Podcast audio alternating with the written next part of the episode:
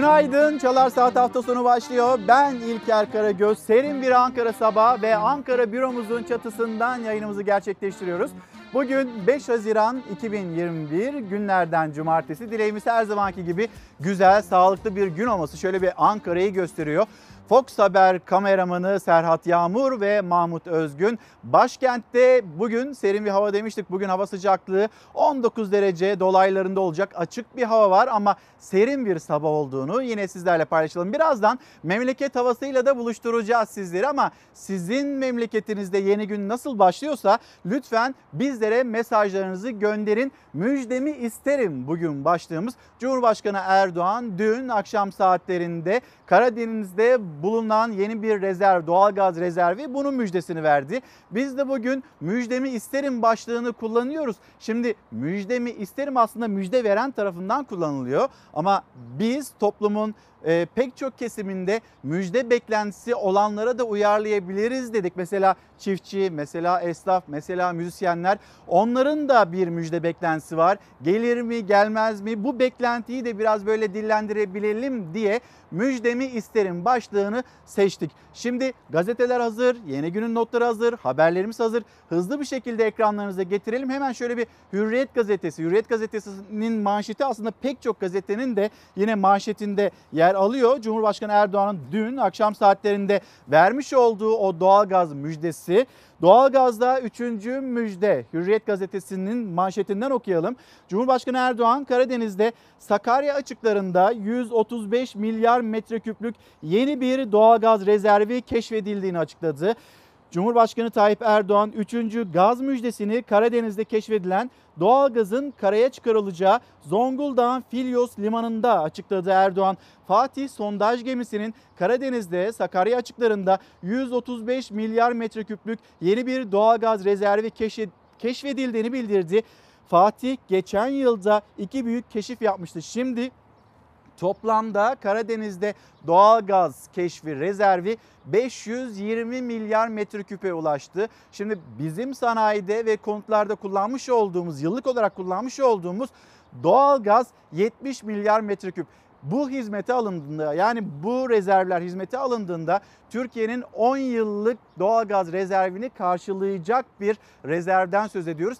Tabii ki hizmete alındığında takvimler 2023'ü gösterdiğinde evlerde, sanayide kullanılacağı söyleniyor. Ve belki de mesela Ocak, Şubat, Mart, Nisan, Mayıs, Haziran her ay zam da demiyoruz ona güncelleme diyoruz.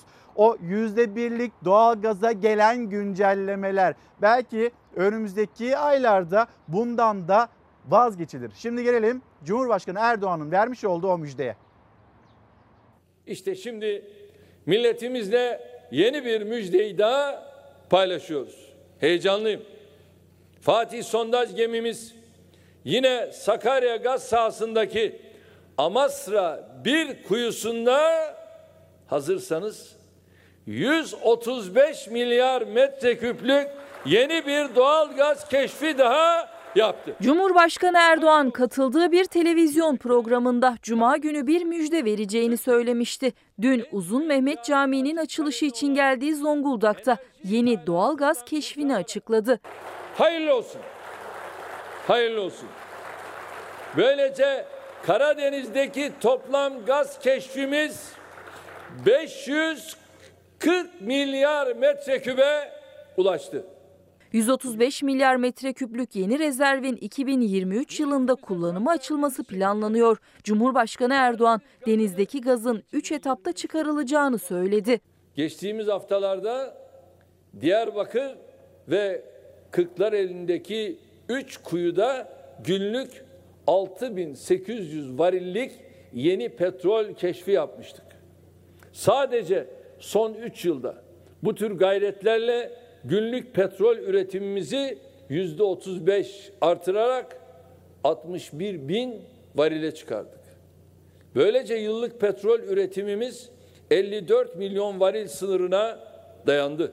Bu Karadeniz'den gelen 3. doğal gaz müjdesi. 21 Ağustos 2020'de bulunan 320 milyar metreküp doğal gaz rezervinin ardından Cumhurbaşkanı Erdoğan 17 Ekim 2020 tarihinde yaptığı açıklamada doğal gaz müjdesini güncellemişti. Rezerv 405 milyar metreküpe çıktı demişti. Son keşifle Türkiye'nin doğal gaz rezervi 540 milyar metreküp oldu. Amasra bir kuyusunun çevresindeki yeni aranma ve sondajlama çalışmalarımız sürüyor. Durmak yok. Yola devam. İnşallah bu bölgeden yeni müjdeli haberler de bekliyoruz. Şimdi dikkatler bu bölgeden gelecek yeni müjdeli haberlerde kuşkusuz memleketimiz için, ülkemiz için önemli. Hayırlı olsun. Bu arada izleyicilerimiz, bizlere günaydın diyen izleyicilerimiz var. Onlardan birisi İrfan Çat diyor ki hani bu müjdeler geliyor ama bugüne yansıyacak müjdelere ihtiyacımız var. Bunun hatırlatmasını yapıyor bizlere. Yine Makbule Aksay günaydınlar. Ee, İlker oğlum mutlu hafta sonları diliyorum diyor. Hepimiz için güzel, sağlıklı, mutlu bir hafta sonu olsun. Sizin gündeminizde ne varsa bizim de gündemimizde o var. Bizimle paylaşın. E, müjdemi isterim başlığında hep birlikte konuşalım. Bugün Dünya Çevre Günü ve Dünya Çevre Günü dolayısıyla bizim de hazırlığımız var. Biz çevremize ne kadar duyarlıyız, biz çevremize ne kadar sahip çıkıyoruz buna dair haberler var. Hepsini ekranlarınızda taşıyacağız ama mesela Marmara'dan söz etmemiz gerekiyor. Marmara Denizi öldü, orada balık çeşitliliği giderek azaldı ve şimdi bir müsilaj, deniz salyasından söz ediyoruz. Balıkçılar ne kadar zor durumda, o bölgede, o coğrafyada yaşayanlar çok zor durumda. Bugün Korkusuz Gazetesi'nde yine bilim insanlarının uyarısı vardı. Bu beldelerde ne denize girilir ne de orada tutulan balıklar onlar yenilebilir deniliyor. Şimdi balıkçıları ekranlarınıza getireceğiz. Zaten balık falan tutma, telaşı bunların hepsi gitmiş. Balıkçılar ne durumda onu paylaşacağız sizinle ama akşam gazetesinde de bir haber var onu da okuyayım.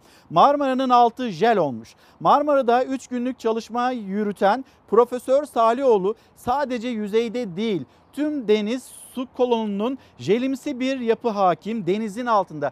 Fox Haber'den Merve Görgün Erdek açıklarında denizin altına daldı ve Türkiye için görüntüledi denizin altında ne olduğunu, ne yaşandığını birazdan bu habere de bakacağız. Bir balıkçılar açısından değerlendirmek istiyoruz. Sizinle de paylaşmak istiyoruz. Böylesini ilk kez gördük diyor bilim insanları.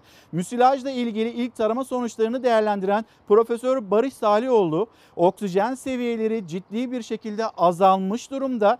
Hızla önlem almalıyız. Biz bu önlemi çok çok seneler önce almalıydık. Şu anda bir sonucu yaşıyoruz.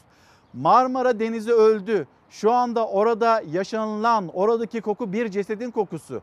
Böyle tabir ediliyor. Peki biz bugüne kadar neredeydik? Her sene Dünya Çevre Günü, çevreye duyarlılık, siyaset bununla ilgili cümleler kuruyor. İşte gözümüzün önünde Marmara. Marmara ölürse e biz Karadeniz'in de öldüğüne, sonra denizlerimizin öldüğüne tanıklık edeceğiz.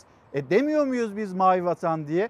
Biz mavi vatanımıza acaba ne kadar sahip çıkıyoruz? Bir beka meselesi ise işte burada da ciddi bir beka meselesi var. Salioğlu ilk etapta kirliliğin yarı yarıya azaltılması gerektiğini belirterek bunu başarırsak 5-6 yıl içinde oksijendeki eşik değerlerini aşarız diye konuştu. Hemen bir bakalım balıkçılar çerçevesinden. Onlar denize ağ atıyor ama balık geliyor mu o deniz salyalı Marmara'dan bir bakalım.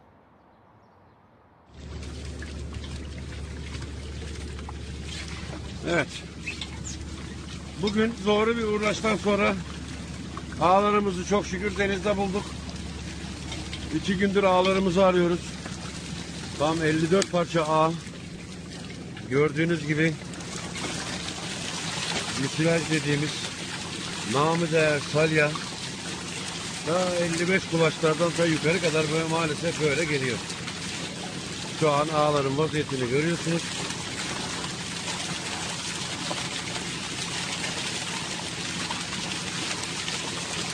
Şaka gibi bir şey ama maalesef yapılacak bir şey yok. Artık Marmara Denizi diyor ki ben öldüm. Başınızın çaresine bakın. Ya bana bakarsınız ya da ben size bakarım. Bundan sonra işimiz ağlarla gübre yakalamak. Bu salya görüyorsunuz Marmara Denizi'nde ne balık bıraktı ne de keyif ne de bu sene turizm. İşte görüyorsunuz. Denizimizin rengi de belli. 2-3 güne kalp patlaması da yaşarız. İyice yeşillenir. Şu gördüğünüz şekilde bakar mısınız kayığın içine? Ayşe Hanım günaydın. Ayşe Hanım diyor ki müjde olarak Marmara Denizimizi kurtarmaya başladık. Bu yönde çalışmaları başlattık denilseydi daha çok sevinirdim diyor. Şimdi Marmara konusunda ciddi bir sorun yaşanıyor. İşte balıkçıların karşı karşıya kalmış olduğu durum. Doğalgaz da önemli e, Ayşe Hanım. Bu da ülkenin bir değeri ve hizmete alındığında inşallah kısa sürede olur ki biz o her ay gelen zamlardan kurtulma fırsatına da erişmiş oluruz. Bu arada İstanbul Bayrampaşa'nın örnek esnaflarından Muammer Bayraktar'ın doğum günüymüş bugün. Kendisinin doğum gününü kutlayalım. Bugün doğum gününü kutlayan herkesin doğum gününü kutlamış olalım. E, Muammer Bayraktar'ı seven bir izleyiciden gelmiş. Hürriyet gazetesine bir dönelim. Hüseyin sana zahmet. Marmara için herkes göreve. Böyle bir çağrı var. Biz Marmara için. Dolayısıyla hani e, Çanakkale ve Çanakkale açıkları, Karadeniz bununla ilgili ne yapacağız? Hep birlikte bunu konuşmamız gerekiyor. Dünya Çevre Günü'nde daha fazla konuşmamız ve bir an önce de harekete geçmemiz gerekiyor. Marmara için herkes göreve. Marmara'daki deniz salyası krizi Çevre Bakanlığı'nın yerel yönetimler ve bilim insanlarının katılımıyla düzenlediği çalıştayla ele alındı. Çevre Yönetimi Genel Müdürü Karahan tüm paydaşların el birliğiyle her türlü sorumluluğu üstlenmesi gerektiği mesajını verdi. Marmara Belediyeler Birliği Başkanı Büyük Akınsa Marmara'yı foseptik gibi kullanmışız. Sadece ön arıtmadan geçen atık suyu açık denize derin deşarjlarla boşaltmışız. Bugünün meselesi mi bu? Senelerdir yaşadığımız bir durumdu maalesef. Şimdi hemen Marmara'dan söz ederken Ankara'yı da anlattık. Serin bir sabah demiştik bir memleket havasıyla buluşturalım sizleri. Çalar Saat hafta sonunu böyle sürdürelim. Yazı serin ve yağmurlu karşıladı Türkiye. Özellikle Karadeniz ve Marmara'da hemen her gün yağmurlu hava. Ancak yurdun her bölgesi için durum böyle değil. Kuraklıkla mücadele eden illerde eller göğe yağmur için açıldı. Yağmur yağsın diye dualar edildi. Buğday ve arpada en zor dönemi yaşadı çiftçi. Uzun süre düşmeyen yağmur buğday ve arpanın başak vermeden sararmasına neden oldu birçok yerde. Birçoğu da yetiştirdikleri ürünlerde aynı sorunu yaşamaktan endişeli. Van Özalp'te, Konya'da, Kars'ta, Ardahan'da dualar yağmurun bereketiyle yağması içindi. Topraklarımızı rahmetine gark eyle. Bol ve bereketli yağmurlar nasip eyle. Adana'da ise ekinlere zarar veren hortumdu. Feke ilçesinde ortaya çıkan hortum çiftçinin gözü önünde ekinleri böyle havaya savurdu. Biçer gibi kesilen ekinler zarar gördü. Neyse ki hortumun etkisi uzun sürmedi. Meteoroloji Genel Müdürlüğü tarafından yapılan son değerlendirmelere göre Karadeniz'in tamamı bugün yağmurlu. Marmara, Ege, Akdeniz ve Güneydoğu Anadolu güneşli. Ancak sıcaklık mevsim normallerinin 2-4 derece altında olacak. Günün en yüksek sıcaklığı 33 dereceyle Aydın ve Şanlıurfa'da hissedilecek. Pazar günü yağmur Karadeniz'in doğusuna kayıyor. Hafta başına kadar diğer bölgelerde önemli bir değişiklik olmayacak. Ancak pazartesi gününden itibaren yağmur alan illerin sayısı artıyor. Yurdun kuzey illerinde etkili olan yağmur iç ve güney illere iniyor. Berna Hanım günaydın. Berna Hanım da müjde üzerinden keşke şu doğalgazdan alınan %18'lik KDV bundan vazgeçilseydi. Hemen bugüne yansıyacak kıymetli bir müjde olurdu hatırlatmasını yapıyor. Yılmaz Tosun selamlarımızı iletelim. Yine 2023'e verildi o müjde diyor. Şimdi Türkiye'nin ve dünyanın önemli gündem maddesi koronavirüs. Koronavirüste bir dünün tablosuna bakalım. Sonra haberimizde sizlerle buluşturalım. 4 Haziran 2021 tarihinin tablosuna baktığımızda yapılan test sayısı 224.681. Vaka sayısı 6.169. Hastanelerde tedavi görenlerin sayısı yavaş yavaş azalıyor. 552 ve vefat sayısı çok uzun süreden sonra yüzün altında ama çok sayıda 94 kişi e, yine koronavirüs nedeniyle yaşamını yitirdi. Erişkin yoğun bakım doluluk oranına baktığımızda hala yüksek seviyelerde. Lütfen bunu unutmayın. Tedbirleri de elden bırakmayın. Aşı hayatımıza ne zaman yoğun şekilde girerse biz aslında bu virüsten o zaman kurtulacağız. Erişkin yoğun bakım doluluk oranının da %62.8 olduğunu hatırlatıp hemen Türkiye'nin koronavirüs tablosu. Karşılığı da yarım saat bekliyorsunuz. Ondan sonra gidebilirsiniz. Geçmiş olsun. Tablonun vefat sayısı bölümünde aylar sonra çift hane göründü. Vefat sayımız 20 Mart'tan bu yana ilk kez yüzün altına düştü. Vaka sayıları ise onda birine düştü. Son tabloya göre son 24 saatte 6169 kişi koronavirüse yakalandı. En zor dönemi yaşadığımız Nisan ayında günlük vaka sayısı 60 bini aşmıştı. Birkaç ay öncesine kadar Profesör Doktor Feriha Öz Hastanesi'nin bu koridorunda yoğunluklu olarak Covid-19 şüphesiyle gelen hastaların oluşturduğu sıralar vardı. Bu sıralar, bu tablo değişti. Şimdi başvuru neredeyse günlük 400'lere kadar indi. Covid anlamında hizmet verdiğimiz poliklinikler ve yoğun bakımlar ciddi azaldı. Bu da şu demek aşıya e, ayırabileceğimiz personel sayımız her geçen gün artıyor aslında. Sağlık Bakanı Fahrettin Koca gösterdiğiniz dikkat ve aşı giderek her şeyi kontrol altına alıyor dedi. Aşılama düşen vaka sayılarının ardındaki en önemli etken elbette. Aşı olanların temennisi maskesiz, mesafesiz normal hayata dönebilmek. hasretle bekliyoruz ve bu zamana kadar hani Covid'e de yakalanmadık çok şükür çok dikkat ettik. Önemli olan aşının olması. Ee, özgürlük için gerekiyor. Herkes aşısını olsun istiyorum. Türkiye'ye yeni aşılar geldi ama hedeflenen aşılama hızına henüz ulaşılamadı. 50 yaş üstü ve sağlık çalışanlarının eşlerinin aşılanması devam ediyor. Ama diğer yaş grupları için henüz aşılama başlamadı. Buna rağmen aşılama yerlerinde kuyruk var. Aşılama hızınız sizin hastane olarak neydi? Şimdi hangi seviyeye geldi? Bu hafta bir önceki haftayla %100 artış var e, aşıya talepte. Şimdi bugün 2000 civarı benim e, başvurum oldu. Profesör Doktor Feriha Hastanesi'nde aşılanmaya gelenlerin oluşturduğu yoğunluk var artık.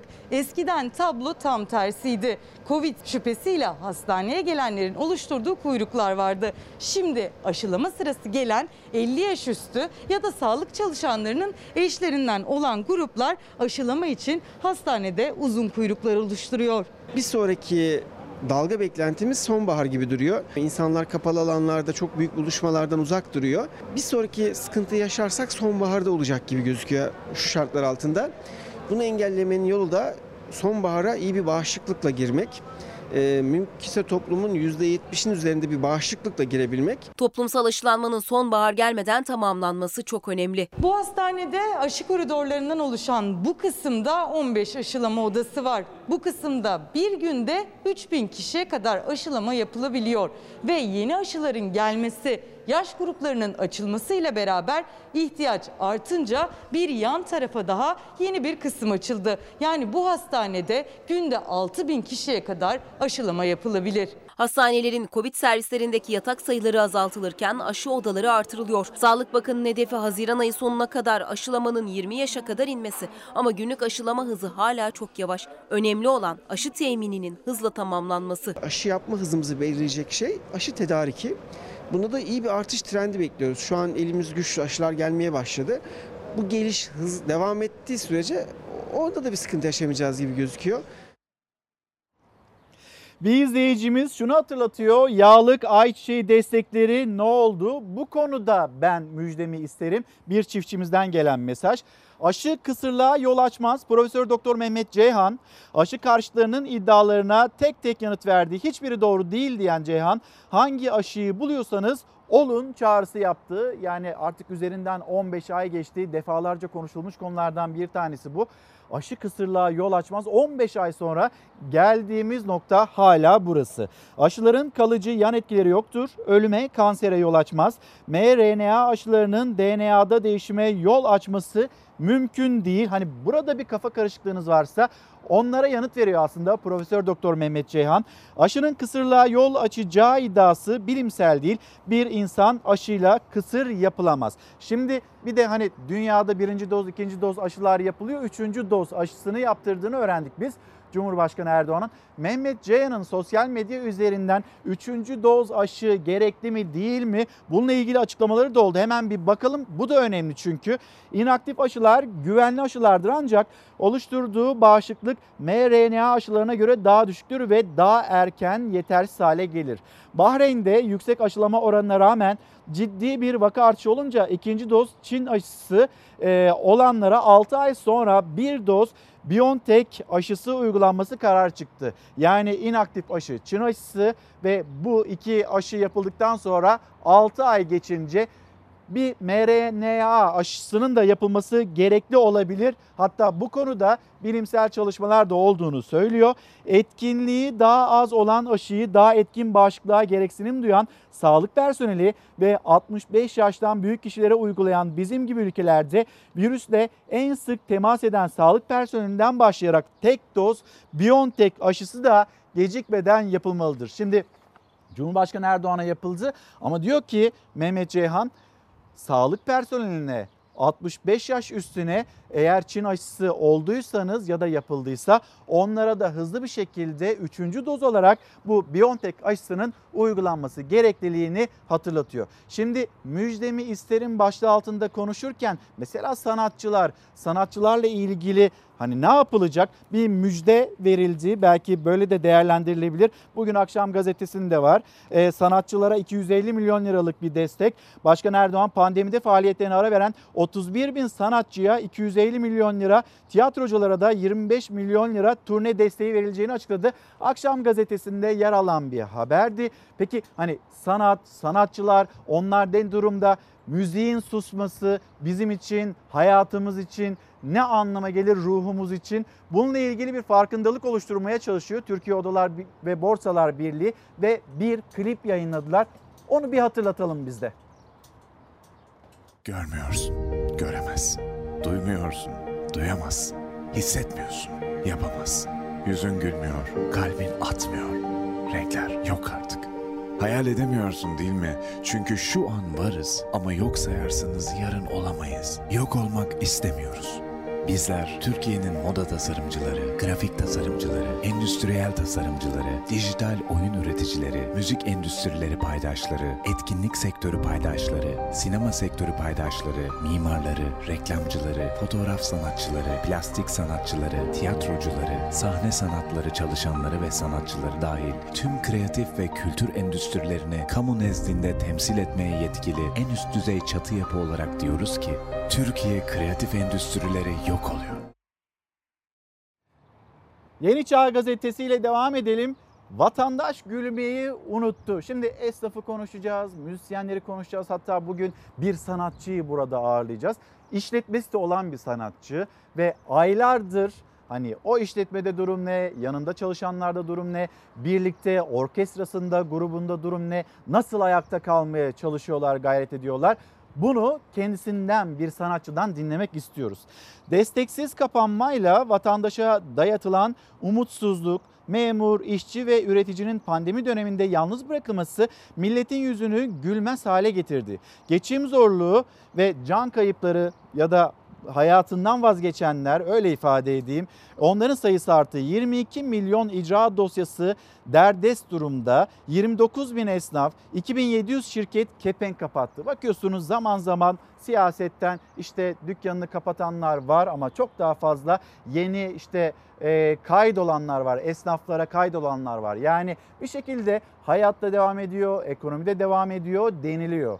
Ama baktığımızda 2700 şirketin kepenk kapatması çok ciddi bir sayı, çok ciddi bir rakam. Şimdi esnaf esnafın yaşadığı problem, çarşı pazar, TÜİK'in açıkladığı enflasyon rakamları ve yine bu hafta yayınlanmış olan büyüme rakamları. O büyüme rakamlarının vatandaşa ne kadar yansıdığı, ne kadar yansımadığı halk anlatacak sokağa çıktığımızda çarşı pazarda durum ne? Aslında siz anlatacaksınız.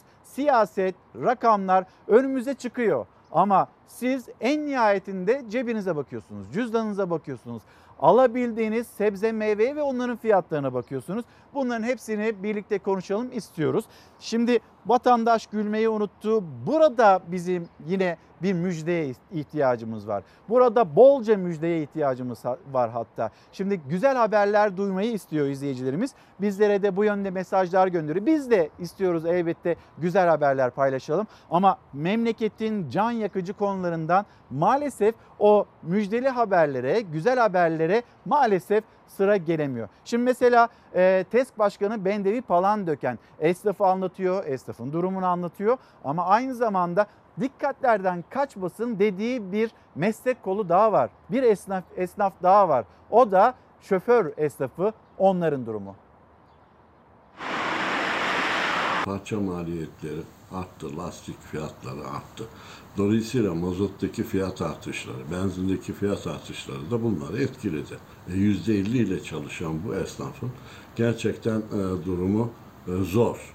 Bir yanda katlanan maliyetler, diğer yanda salgından korunma mecburiyetleri. Pandemi ulaşım sektörünü de sarstı. Alınan tedbirler arasında ÖTV ve KDV'de bir indirim sağlanırsa tahmin ediyorum ki e, şoför esnafı da bu zarardan kurtulmuş olacak. Kafeler, restoranlar, yaşadıkları sıkıntılar, yarayı kapatmayan, faturaları, kirayı, devlete borçları ödemede yetersiz kalan hibeler. Esnaf zorda hem de iş kolunda. Türkiye Esnaf ve Sanatkarlar Konfederasyonu Başkanı Bendevi Palandöken sıkıntılı günler yaşayan ulaşım sektörünü de unutmayın diye seslendi. Taksi, dolmuş, halk otobüsleri esnafının zor durumda olduğunu söyledi. Zararı hafifletmenin formülü olarak da vergi indirimini masaya koydu. Kullandıkları akaryakıt cinsine göre ÖTV ve KDV alınmaması, yine bunların tamiratında e, parça, yedek parça değişimi vesaire gibi yaptıkları e, zaruri giderlerinde ÖTV'si ve KDV'si en azından yüzde birlere düşürülürse tahmin ediyorum ki bu sektörde bu zarardan kurtulmuş olacak. Yaklaşık bir buçuk yıldır hemen hemen aynı sefer sayısıyla çalışıyorlar. Ama yolcu kapasitesi yarı yarıya. Üzerine bir de yüzde yüze varan maliyet artışı. Palan döken şoför esnafı için çark dönmüyor dedi. Destek istedi. Toplum sağlığı için aşı taleplerini de dillendirdi. Bir an evvel aşılanmalıyız. Çünkü pandemi sürecinde e, binen yolcuların e, hasta olup bulaşıcı olup olmadığını bilmedikleri için onlar da netice itibariyle bu konuda çok müştekiler. Bir yandan aşı beklentisi, diğer yanda üzerimizde ciddi bir vergi yükü var. Burada da aslında şoför esnafı bir müjde bekliyor. Şoför esnafının beklentileri böyle. Yine esnafımız kafeler, restoranlar normalleşme e, kapsamında açıldı ama 21'e kadar hizmet verebiliyorlar. Ve bununla ilgili de bir beklenti var. Mesela Ankara Ticaret ve Sanayi Odası'ndan Yine hükümete yönetenlere bir çağrı var. 21 değil de daha ileri bir saate alınamaz mı acaba diye bir hatırlatalım onların çağrısında. Antalya Turizm Başkenti. Bu durumda Antalya'nın saat 21'de kapanması gelen turistleri de etkiliyor. İş turizmle ilgili de Antalya'da büyük sıkıntı yaratıyor. Şu anda kale içindeyiz. Kale içi saat 20'den sonra yaşamaya başlayan bir yer ve turist de çeken bir bölge. Antalya'nın da tam göbeğinde en önemli turizm merkezlerimizden biri. 21'de kapanma şu anda bizi sanki açılmamış gibi hissediyoruz. Çünkü burada barlar var, restoranlar var, pansiyonlar var, oteller var. Onun için Antalya'da bu kısıtlamaların artık tamamen aşılamayı yaparak tamamen kaldırılması gerekiyor. Tabii aşılama da önemli. Şu anda saat sanıyorum 20.30 hala hava aydınlık. 21'de yarım saat sonra kısıtlama başlayacak ve tekrar insanlar evlerine çekilecek. Bu çok doğru değil. Antalya açısından bunu tekrar değerlendirmesi gerekiyor. Umut ediyorum ki hükümet bunu değerlendirir. Pazar gün kısıtlamasının da kaldırılması gerekiyor. Otellerdeki içindeki hamam, sauna, spalar açık. Dışarıdaki üyelerimizin hamam, sauna, spaları kapalı. Bunların hepsi turizme hizmet veriyor. Ankara dedim ama hemen düzelteyim. Antalya Ticaret ve Sanayi Odası Yönetim Kurulu Başkanı Davut Çetin'in çağrısı bu şekilde. Yani 21'e kadar açık olmak bizim için yeterli değil. Bu saatin biraz daha ileriye alınması gerekiyor diyor. Esnaf için böyle bir çağrısı var. Bir Milli Gazete'ye bakalım. Milli Gazete'den enflasyon rakamlarına ya da o enflasyon canavarının yavaş yavaş cebimizden nasıl o e, liraları tükettiğine bakalım. Sonra da çarşı pazara çıkartacağız sizi. Müjdemi isterim. Başlığımızı bir kez daha hatırlatmış olayım bu şekilde. Ve müjdeyle ilgili mesela çarşı pazardaki e, durumlar, fiyatlarla ilgili burada bir müjde beklentiniz varsa lütfen onları da bize yazıp gönderin. Enflasyonun da yükü ağır. Merkez Bankası aylık fiyat gelişmeleri raporuna göre Mayıs ayındaki kapanmaya bağlı olarak faaliyetin kesintiye uğradığı bazı kalemlerde fiyat artışları düşük seyrederken üretici fiyatlarındaki hızlı artış eğilimi devam etti. Tüketici enflasyonu üzerindeki maliyet baskısı daha da arttı.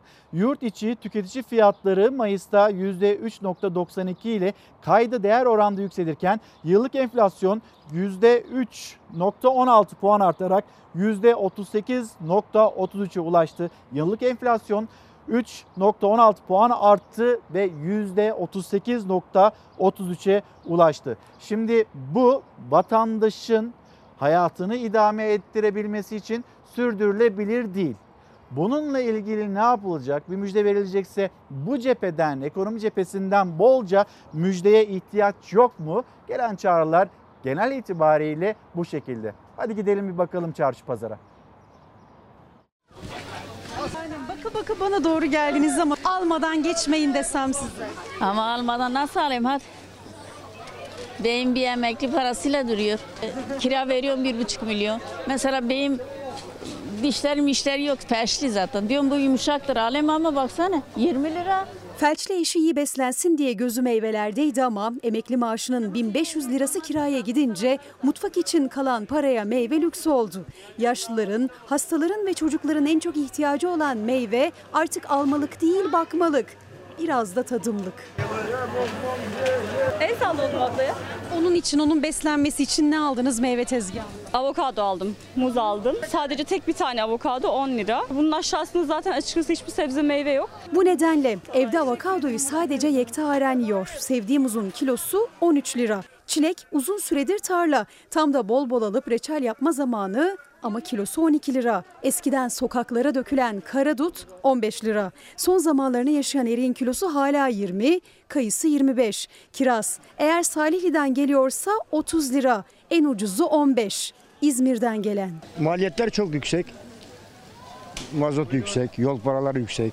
Meyvenin önemli dağıtım noktalarından Antalya Haliverisi'ne göre de maliyetleri kaldıramayan çiftçinin ürettiği meyvenin miktarı bir yılda %33,96 azaldı. Fiyatı %22,28 arttı. Bu da etiketlerde beklenilen düşüşün önünde engel. Çünkü ürün talebe yetmezse pahalanıyor. Şimdi Zeytinburnu Seyit Nizam Pazarı'ndayız. Buradaki insanlar için, dar gelirler için 15 lira da iyi bir fiyat mı? Yok 10 liraya da var mesela pazarda. Kirazına göre değişiyor. Kirazına göre, Tabii. kalitesine Tabii kalitesinin bütçesine göre değişiyor. Yani alım gücü düşük olanlar düşük kalitede beslenmek zorunda kalıyor. Tezgahın üstünde kaliteye göre düşüş, tezgahın altına kadar iniyor. Ezilen sadece bir kısmı çürümüş çıkma meyveler aşağıda kasalarda biriktiriliyor. Bunda akşam garibanlar geliyor onlara veriyoruz. Kaçtan veriyorsun? Bedelsiz veriyoruz. Çocuklar geliyor, kadınlar geliyor. Ne yapacaksın? Haziran ayı kiraz mevsimi ve mevsimi gereği bugünlerde tezgahlarda zebil görenin özellikle çocukların canını çektiriyor. Sadece kiraz değil çilek, kayısı, erik ve muz. Ama çocukların canını çektiren o meyvelerin fiyatı, etiketler anne ve babaların canını yakıyor. Kiraz aldım, bir de erik aldım. Evde çocuk var galiba. Evet, oğlum var 7 yaşında. Çocukken kirazı ne yapardık? Ee, küpe yapardık. Benim oğlum hala öyle üçlü falanlara böyle küpe yapmak istiyor ama artık öyle eskisi kadar bolca yenmiyor. Şunu TÜİK'e gösterin. Fiyata bakıyorsun, cüzdanına bakıyorsun. Yetmiyor.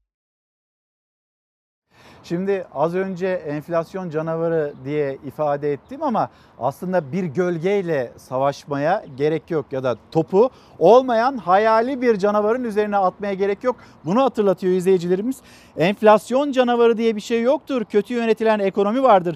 Hatta trafik canavarı öyle bir şey de yoktur. Yapılmayan yollar, uyulmayan, uygulanmayan kanunlar vardır. Evet öyle bir gölgeyle savaşmanın anlamı yok. Efendim şimdi bir mola verelim. Memleketi haberlerine bu moladan sonra devam edelim.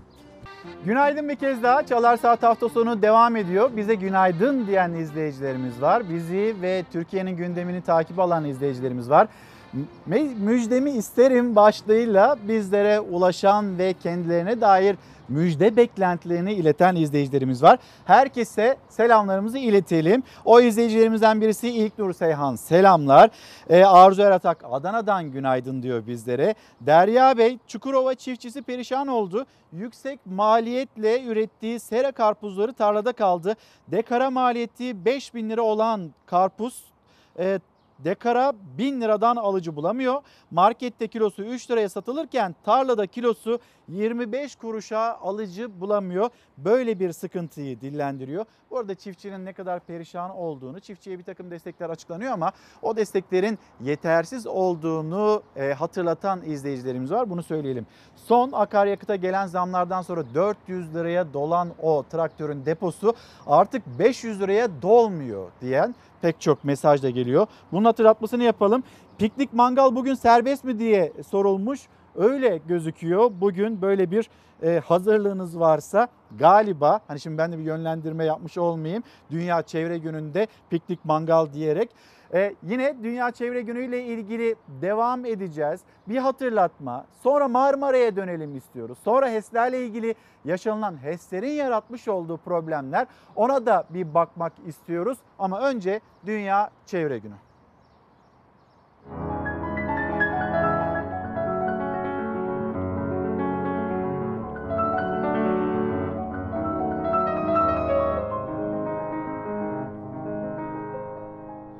Çevre sorunlarına ve tahribatına dikkat çekmek için çaldı. 12 yaşındaki ödüllü genç piyanist dünyaya 5 Haziran Dünya Çevre Günü'ne özel besteyle seslendi.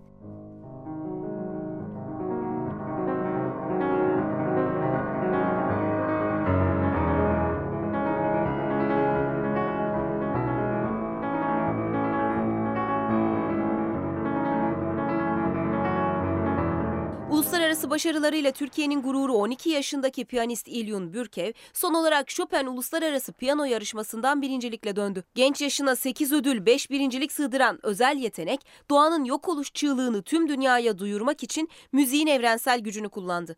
Piyanonun başına bir kez de çevre sorunlarına dikkat çekmek için oturdu hem de kendi bestesiyle.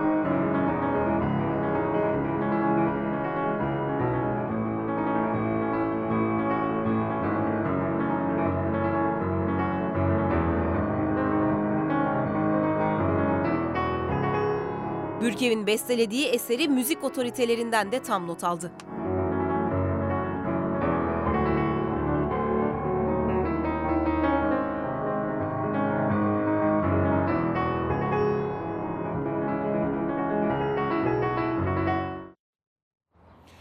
Nevin Çakır, günaydınlar, müjde müjde müjde, yeni zamlar kapıda galiba diyor. Şimdi bir müjde açıklanıyor, peşinden de zamlar gelince Böyle bir algı oluştu. Bakıyorsunuz Karadeniz'de yeni bir doğalgaz keşfi memleketimiz için önemli ve bir kez daha söyleyelim hayırlı olsun 135 milyar metreküp ve Karadeniz'de e, müjdelenen 520 milyar metreküplük bir doğalgaz rezervi ve işte 2023 yılında hayatımıza gireceği sanayide konutlarda kullanılacağı söyleniyor. Ve artık hani bu müjdelerden sonra zamlar gelince Vatandaşta da her müjde ve peşinden gelen zamlar müjdelere karşı biraz böyle e, tedbirli davranma gereksinimi de ortaya çıkıyor. Mesajlardan anladığımız bu. Çağrı Uçar, günaydınlar. Bizi takibe alan bir izleyicimiz selamlarımızı gönderelim. Çanakkale Ayvacık'tan Ramazan Şef e, bize günaydın demiş. Kimler bizimle birlikte mesajlarınızı gönderebilirsiniz. Çevre haberleriyle devam edelim. Yönetmenimiz Hüseyin Agavuç'tan ben bir rica edeyim. Milliyet Gazetesi, Milliyet Gazetesi'nin manşeti Marmara'da ne oluyor? Önümüzdeki günlerde Karadeniz'de neyle karşı karşıya kalabiliriz eğer tedbir almazsak? Buna bir bakalım. Dipteki felaketi görüntüledik. Korku filmi gibi biz de görüntüledik. Şimdi onun haberini de paylaşacağız sizinle. Sivriada açığında gerçekleştirdiğimiz dalışta ilk metrelerden sonra görüş seviyesi 10 santime kadar düştü. Can çekiştiğine tanık olduğumuz dipteki tek balıkta ölümün pençesindeydi. Dalışımızın 6 metresinden sonra müsilaj tabakası adeta bir halıya dönmüştü.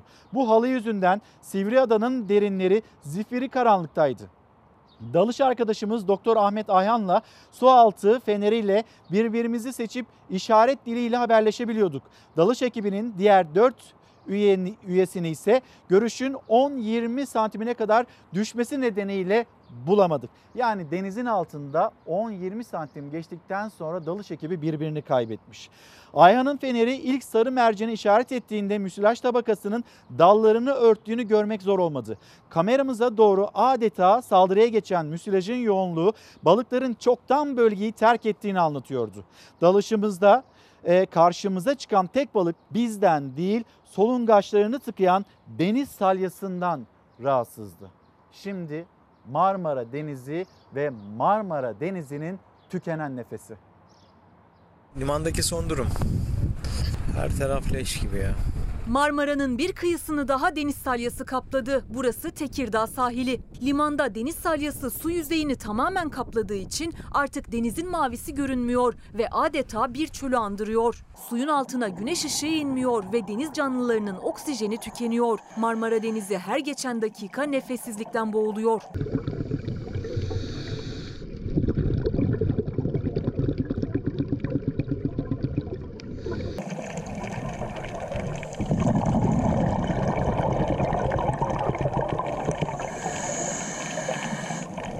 Marmara Denizi'nin dört bir yanını sardı deniz salyası. Öyle çoğaldı ki artık Karadeniz, Ege ve hatta Akdeniz bile tehdit altında. Akdeniz'de de kıyılarda oksijen azalmaları görüyoruz. Ekosistemde, biyoçeşitlilikte özellikle e, değişimler görüyoruz. Karadeniz zaten risk altında bir deniz.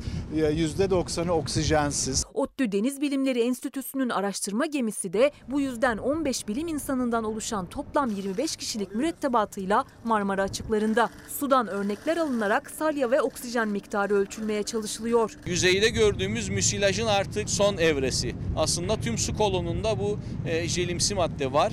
Suyun altında kalan deniz salyası miktarını görebilmek, tehlikenin ne boyutta olduğunu anlayabilmek için Fox Haber Marmara Denizi'ne daldı Erdek sahilinden ve ne yazık ki canlılar deniz salyası içinde boğulmaya başlamıştı.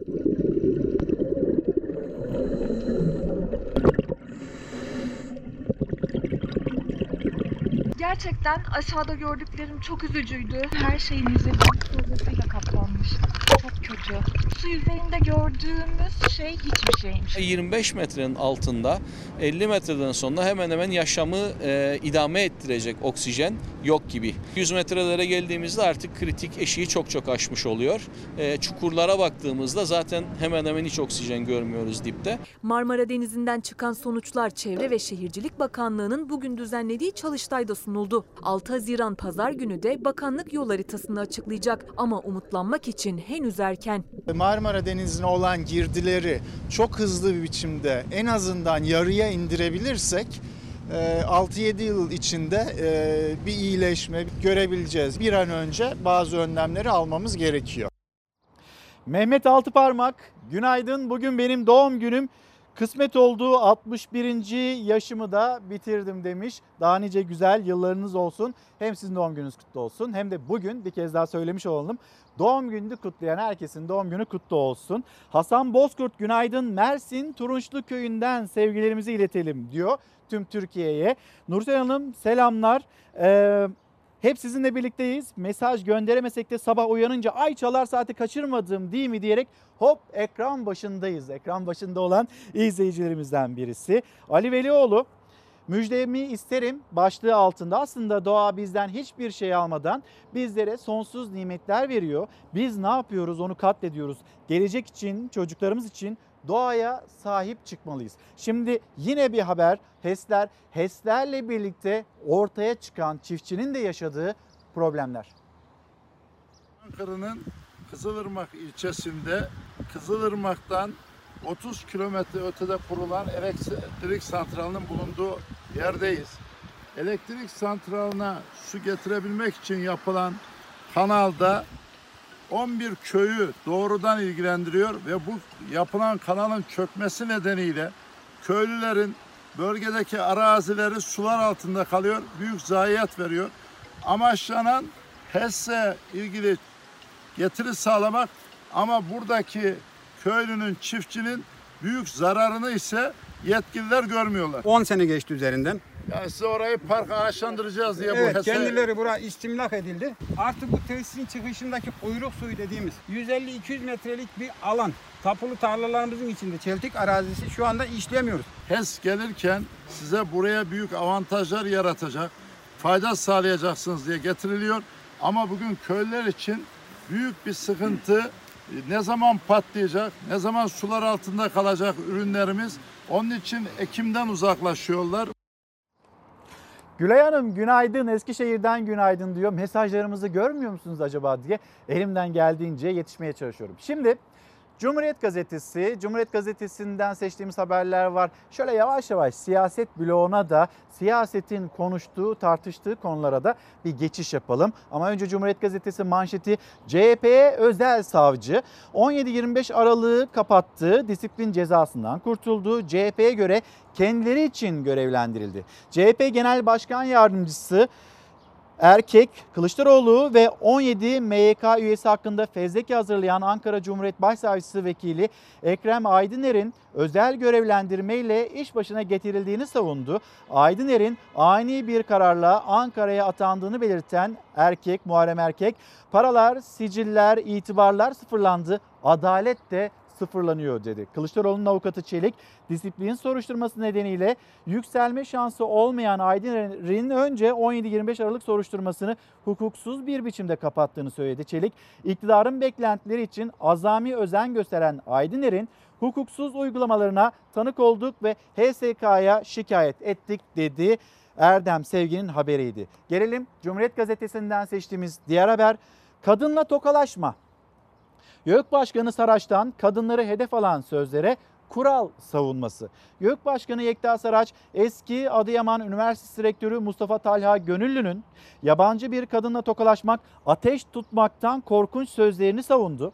Saraç bunlar kişisel şeyler üst bir yöneticinin toplumun yerleşik kurallarını da dikkate alma durumu var diyor. Şimdi pandemi gerekçesiyle maske, mesafe, hijyen hani tokalaşmıyoruz ama toplumda böyle yerleşik kurallar olduğunu da açıkçası bilmiyorduk. Meclis kadına yönelik şiddetin sebeplerinin belirlenmesi araştırma komisyonunda kadınla tokalaşmamakta bir mesele görmeyen Saraç, kadın üniversiteleri konusunda da kaçak güreşti. Saraçkonu'nun Cumhurbaşkanlığının gündeminde olduğunu söyledi, paylaştı. Şimdi diğer haberlere de geçeceğiz ama siyasette sorulan bir soru var. İçişleri Bakanı Süleyman Soylu TRT'de katıldığı programda işte e, organize suç örgütü lideri olmakta suçlanan Sedat Peker, Sedat Peker'den e, bir siyasetçinin milletvekili mi değil mi hangi partiden bilinmiyor bir siyasetçinin ayda 10 bin dolar maaş aldığını söyledi. Sonra kim bu siyasetçi? Siyasette bu soru soruldu soruldu soruldu. İçişleri Bakanı Süleyman Soylu da çağırsın savcı söyleyeceğim dedi. Ama bu konuyla ilgili savcılar henüz harekete geçmedi. Burada niçin harekete geçmedi? Tartışma büyüdükçe büyüyor. Peki ne olacak? Yani bu soru yanıtsız mı kalacak? Fakirler kurdu, zenginler çaldı. 10 bin dolar aylığı mafyadan hangi siyasetçi aldı? Bin dolar alan kimdir? Açıklansın. Ben de öyle diyorum. Açıklansın. Açıklayacak olan da ben değilim bunu. Bu sözü dile getiren ben değilim. Ya meclis başkanına cevap vermeyen atama bakan istifa edecek ya da atama bakanın cevap vermediği, kale almadığı meclis başkanı istifa edecektir. CHP Meclis Başkanı'na milletvekillerini töhmet altında kalmaktan kurtarın dedi. Meclis Başkanı Süleyman Soylu'nun açıkladığı ayda 10 bin dolar alan siyasetçiyi yazılı ve sözlü olarak bakana sorduğunu duyurdu ama günlerdir o cevapta gelmedi. Siyasetin ayda 10 bin dolar alan siyasetçi kim sorusu giderek ısındı. CHP istifa istedi. 10 bin dolar meselesi. Evet. Ben bir kere bir siyasetçi dedim. Partisinde söylemedim. Bunun biraz daha ötesi daha var. Ben işin bir parçasını söyledim. Açıklanmasına dair kamuoyundan da beklenti var. Biz de bu konudaki beklentilerimizi ifade ettik yazılı sözlü olarak Sayın Bakan'a. İçişleri Bakanı evin içindeki kavgada kullanılmak üzere bu ismi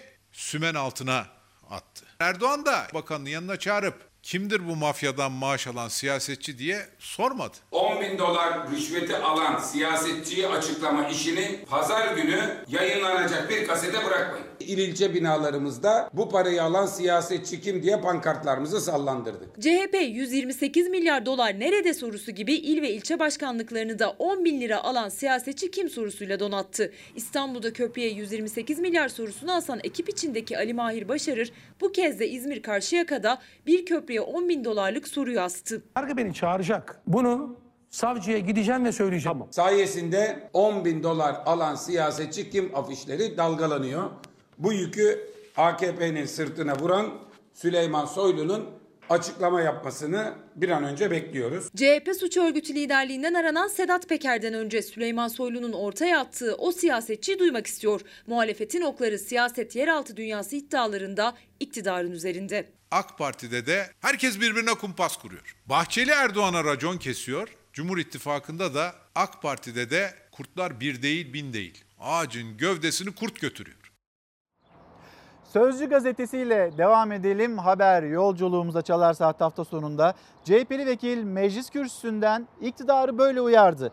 Bir garibanın bedduasına yenileceksiniz. Şimdi siyasette atıflar organize suç örgütü olmakla e, itham edilen Sedat Peker, Sedat Peker üzerinden yapılıyor ve manşette bir garibanın bedduasına yenileceksiniz şeklinde. Geçim yükü altında inleyen vatandaşın derdini dile getiren CHP'li Ulaş Karasu, halk ilk seçimde sizi sandıkta götürecek deyip şöyle konuştu. KYK borçları bunları hatırlattı. Geleceğini çaldığınız Z kuşağı ee, yine gençler, gençlerin yaşadığı problemler bunları hatırlattı. Alt alta bunların hepsini sıraladı. Şimdi milletvekili ne söyledi onu paylaşacağız sizinle. Ama hemen e, Hüseyin, Hüseyin'den yönetmenimizden bir rica edeyim. Hüseyin orada Sözcü gazetesinde pazara gelsinler, gerçek enflasyonu görsünler.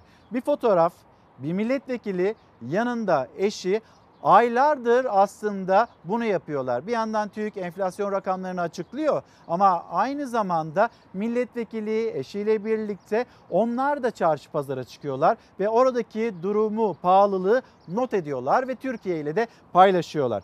İyi Partili Ümit Dikbayır ve eşi Nigar Hanım Mayıs'ta da çarşı pazar gezip halkın enflasyonunu hesapladı.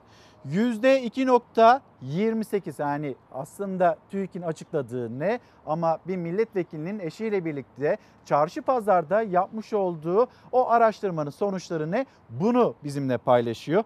26 Nisan 2021 tarihi ve pazar alışverişi maydanoz 1,5 lirayken baktığımızda 28 Mayıs 2021 tarihine maydanoz 2 lira olmuş. Marul 3,5 lirayken 3 lira marulda düşüş var. Limon 3,5 lirayken 10 liraya kadar yükselmiş. Domates, salatalık, patlıcan, üzüm, kabak böyle alt alta yazıldığında 28 Mayıs tarihine geldiğimizde mesela Peynirin yarım kilosu 24 liradan 30 liraya yükselmiş. Zeytinin yarım kilosu 21 liradan 30 liraya yükselmiş. Peki TÜİK'in açıklamış olduğu enflasyon ile çarşı pazarda karşılaştığımız enflasyon aynı mı?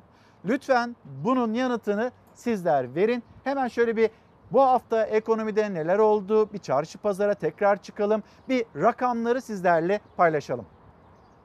TÜİK enflasyonu açıklıyor. Yüzde 16,5. Bu hangi enflasyonsa biz anlamıyoruz. Rakamlar açıklanırken yine bir skandala imza atıldı. TÜİK haber bülteninde verilen rakamlarla merkezi veri dağıtım sisteminde açıklanan rakamlar arasında çok ciddi bir tutarsızlık ortaya çıktı. TÜİK Mayıs ayı enflasyonunu Türkiye'ye %16,59 olarak duyurdu. Ama aynı anlarda kendi internet sitesinde yayınladığı rakam farklıydı. %17,22. Muhalefet zaten veriler güvenilir değildi, söze gerek kalmadı. İspatını TÜİK kendi yaptı derken TÜİK bu farklı veriler için sehven hata sonucu açıklamasını yaptı. Ama o hataya inceleme de başlatıldı. Buradan çok açıkça uyarıyorum. Eğer saray danışmanları veya Merkez Bankası Başkanı faiz indirimine altlık hazırlamak için TÜİK'e rakam sipariş ediyorlarsa, enflasyon rakamlarını makyajlatıyorlarsa bunun hesabı bunun sorumlularından yarın öbür gün mutlaka sorulur. Şöyle bir çarşıya pazara çıkan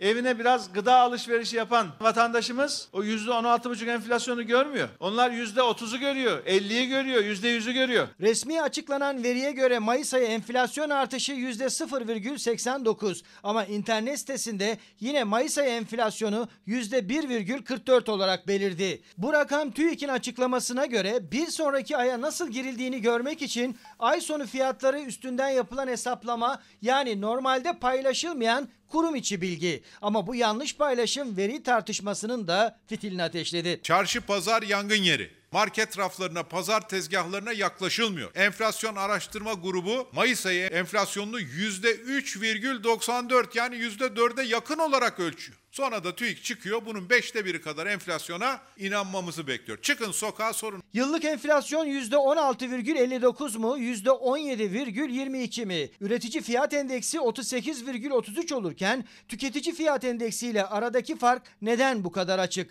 TÜİK verileri üzerinde yaşanan tartışmaların gölgesinde muhalefet çarşının, pazarın enflasyonunun peşinde. Baktım 6 ay önceki alışveriş fişimize. Peynirin kilosunu 28 liradan almışız. Şimdi 60 liraya aldık. Aynı marka yağ biz 13.45'e almışız 6 ay önce. Şimdi 19. Bugün 19.45.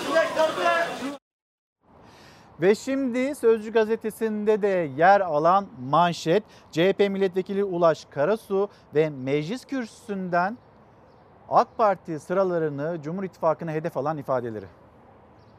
Bu halk ilk seçimde zaten sizi sandıkta götürecek. KYK kredisini ödeyemeyen öğrenciye, tek geçim kaynağı traktörüne haciz konulan çiftçiye, geleceğini çaldığınız Z kuşağına yenileceksiniz. Kaderine terk ettiğiniz SMA hastası bir yavrumuza yenileceksiniz.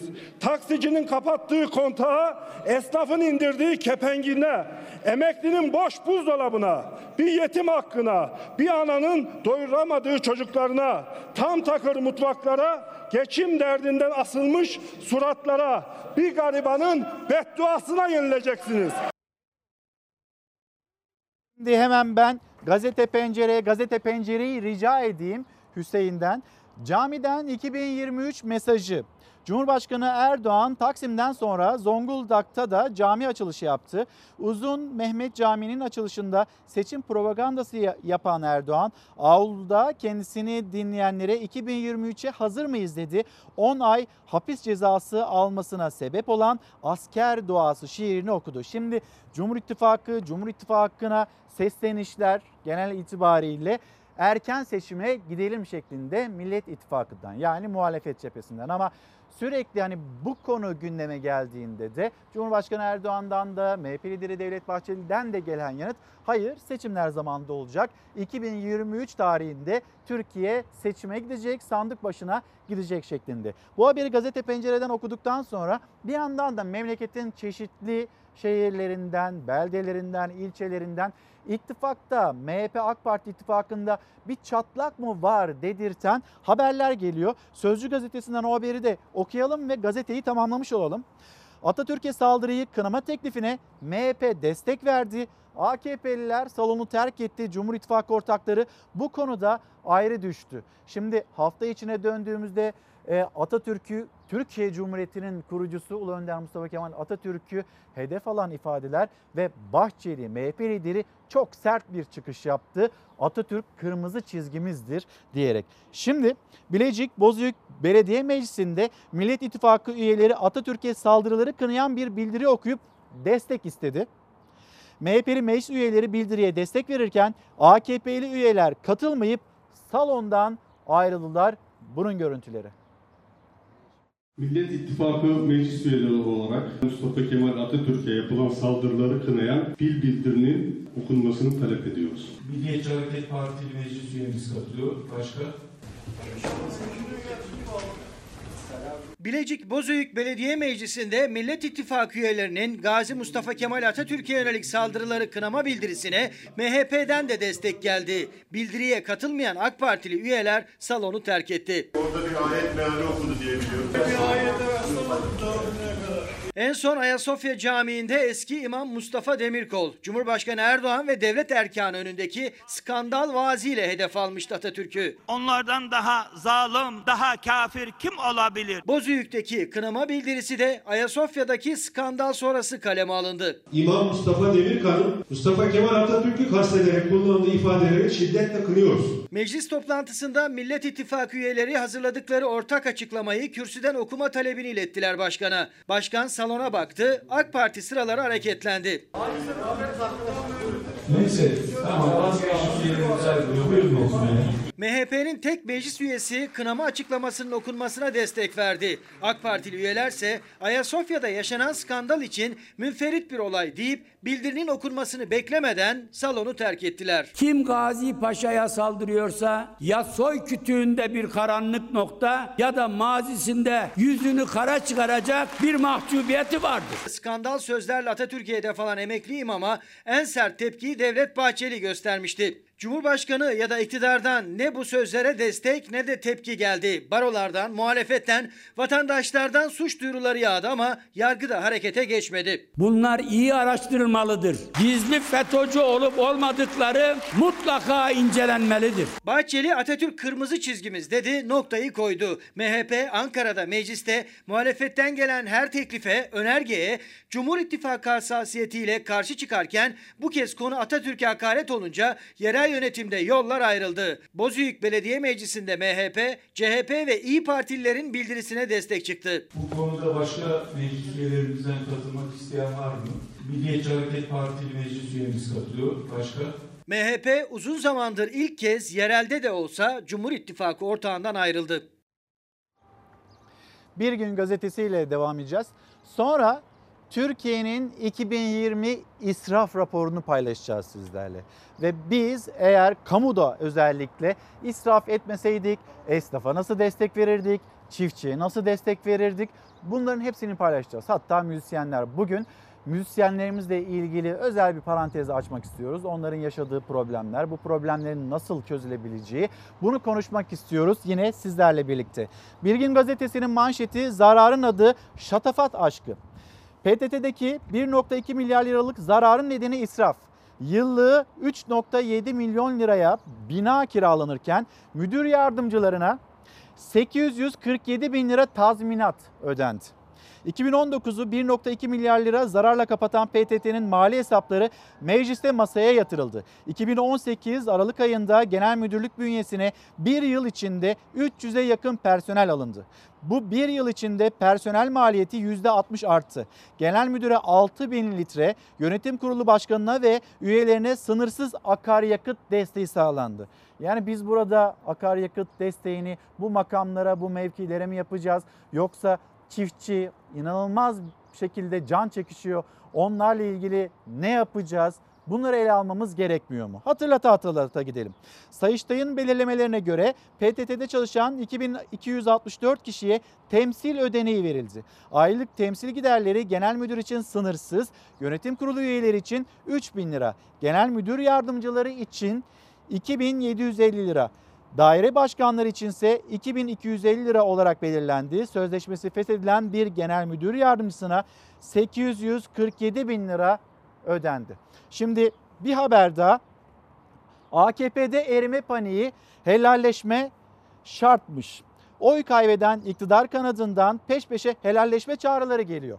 Eski AKP milletvekili Yeni Şafak yazarı Mehmet Metiner yeni bir helalleşme ve yeni bir başlangıç için reisin düğmeye basması şart dedi. İktidar cephesinden gelen bu çıkışı değerlendiren doçent doktor Berk Esen AKP'nin kaybedebileceğinin farkında olduğu anlaşıyor ifadelerini kullandılar ve çalışan çocuk sayısı hemen ona da bakalım. Çalışan çocuk sayısı tam 720 bini geçmiş. Mevsimlik tarım işçisi çocuklar Milli Eğitim Bakanlığı tarafından da kabul gördü. Mevsimlik tarım işçisi çocukların sayısı 440 bini geride bıraktı.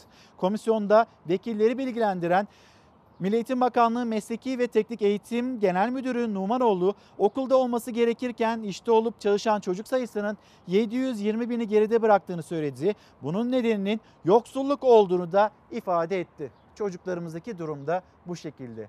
Gelelim Türkiye'nin 2020 israf raporuna. Şimdi gıda ile ilgili, su ile ilgili burada ciddi bir israf var ve bunu da elimizden geldiğince sizlerle paylaşmaya çalışıyoruz. Peki mesela eğer kamudaki ciddi israflar olmasaydı önümüze Türkiye'nin önüne nasıl bir tablo, ne kadarlık bir kaynak çıkardı? Zorda olduğumuzu biliyorum. Bittik. Biz kahvecileriz. Çok mağdur olduk. 12 milyon 616 bin esnafa salgın sürecinde bir yıl boyunca aylık 5 bin lira destek verilebilirdi.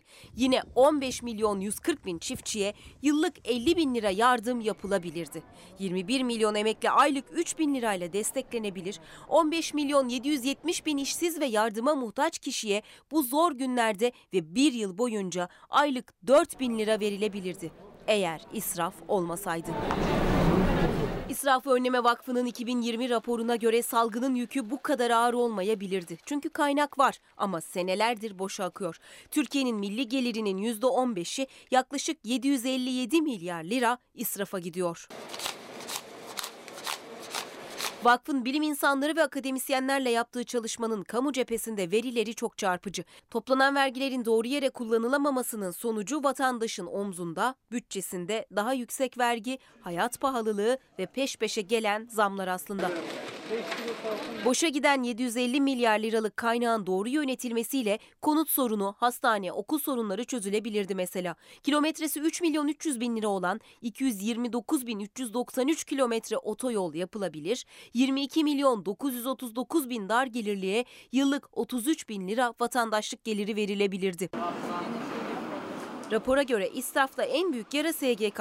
Vakıf sürdürülebilir ve yeni bir sosyal güvenlik sistemi kurulması gerektiğine vurgu yapıyor. Kamu kuruluşlarındaki gereksiz harcamalar, işlevsiz makamlar, o makamlara tahsisli araçlar, ayrılan bütçeler. Bir başka kara delik. Örneğin sadece enerjide devletin kasasında 3.2 milyar lira kalabilir. Eğer kurumların üzerindeki o ışıklı tabelalar geceleri söndürülürse. Gülfer Batur, günaydınlar, selamlarımızı iletelim. Turgay Bey, servisçi, kantinci esnafı ne olacak? Onlar da bir müjde beklentisi içinde. Sinan Sözmen, müjdemi isterim, aşılama hızlansın diyor. Nebil Bulgurcu'ya da yine bize günaydın demiş. Günaydınlarımızı iletelim. Şimdi Merkez Bankası'nın vermiş olduğu müjdeye bakacağız. Yani Merkez Bankası'nın verebildiği müjdeye bakacağız. Biliyorsunuz ne kadar yüksek faizler. Karar gazetesinden okuyalım. Merkez Bankası'ndan enflasyon yüksek mesajı. Faiz inmez. Rahat olun.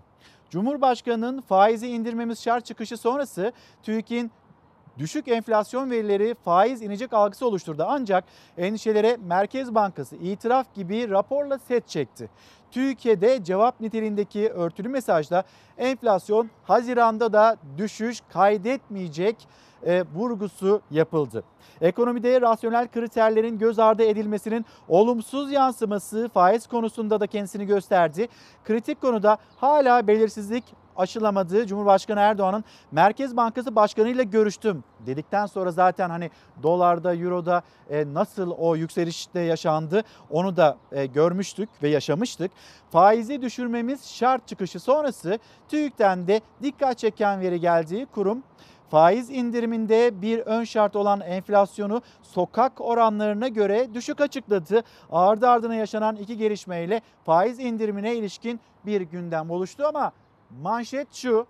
Faiz inmez rahat olun. Hani o çok yüksek seviyelerdeki faizler var ya ki burada da bir beklenti var faizlerin inmesiyle ilgili. Yani en azından hani memleket öyle bir rayına girsin ki ekonomik olarak o veriler gerçek anlamıyla herkesi tatmin edebilecek seviyeye gelsin ki yine o yapısal reformlar yapılabilsin ki sonra da faiz indirimini kendi doğa süreci içinde görebilelim. Hani herkesin çağrısı özellikle uzmanların çağrısı bu şekilde ama şu anda Merkez Bankası'nın verebildiği piyasalara verebildiği mesaj bu şekilde merak etmeyin faizler inmeyecek şeklinde. Hemen şöyle bir haftanın ekonomi toparlaması.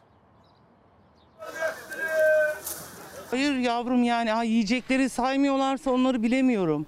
Hastanede yattım 15 gün çıktığımda %50'den fazlaydı. Artık millet diyorum ya burasına kadar geldi yani. Birçok kişi üzerinde artık daha da ağır bir yük hayat pahalılığı ama TÜİK'e göre Mayıs ayında %0,89 arttı fiyatlar. Enflasyon yıllık %16,59 oldu. Tüketicinin de uzmanların da piyasanın da hesabı başkaydı oysa. İstanbul Ticaret Odası aynı ay için %1,8 akademisyenlerden oluşan en aksa %3,94 olarak ölçtü aylık enflasyonu. Çünkü üretici fiyatları aylardır artıyor. Ama TÜİK verilerine göre tüketici fiyatlarına yansımıyor bu durum. Mayıs ayında fiyatı düşen bir şey oldu mu hiç? Hiçbir şey düşmedi. Mayıs ayında Hiçbir şey düşmedi. Fazlalığı var, noksanı yok. Kıvırcık aldık, soğan aldım.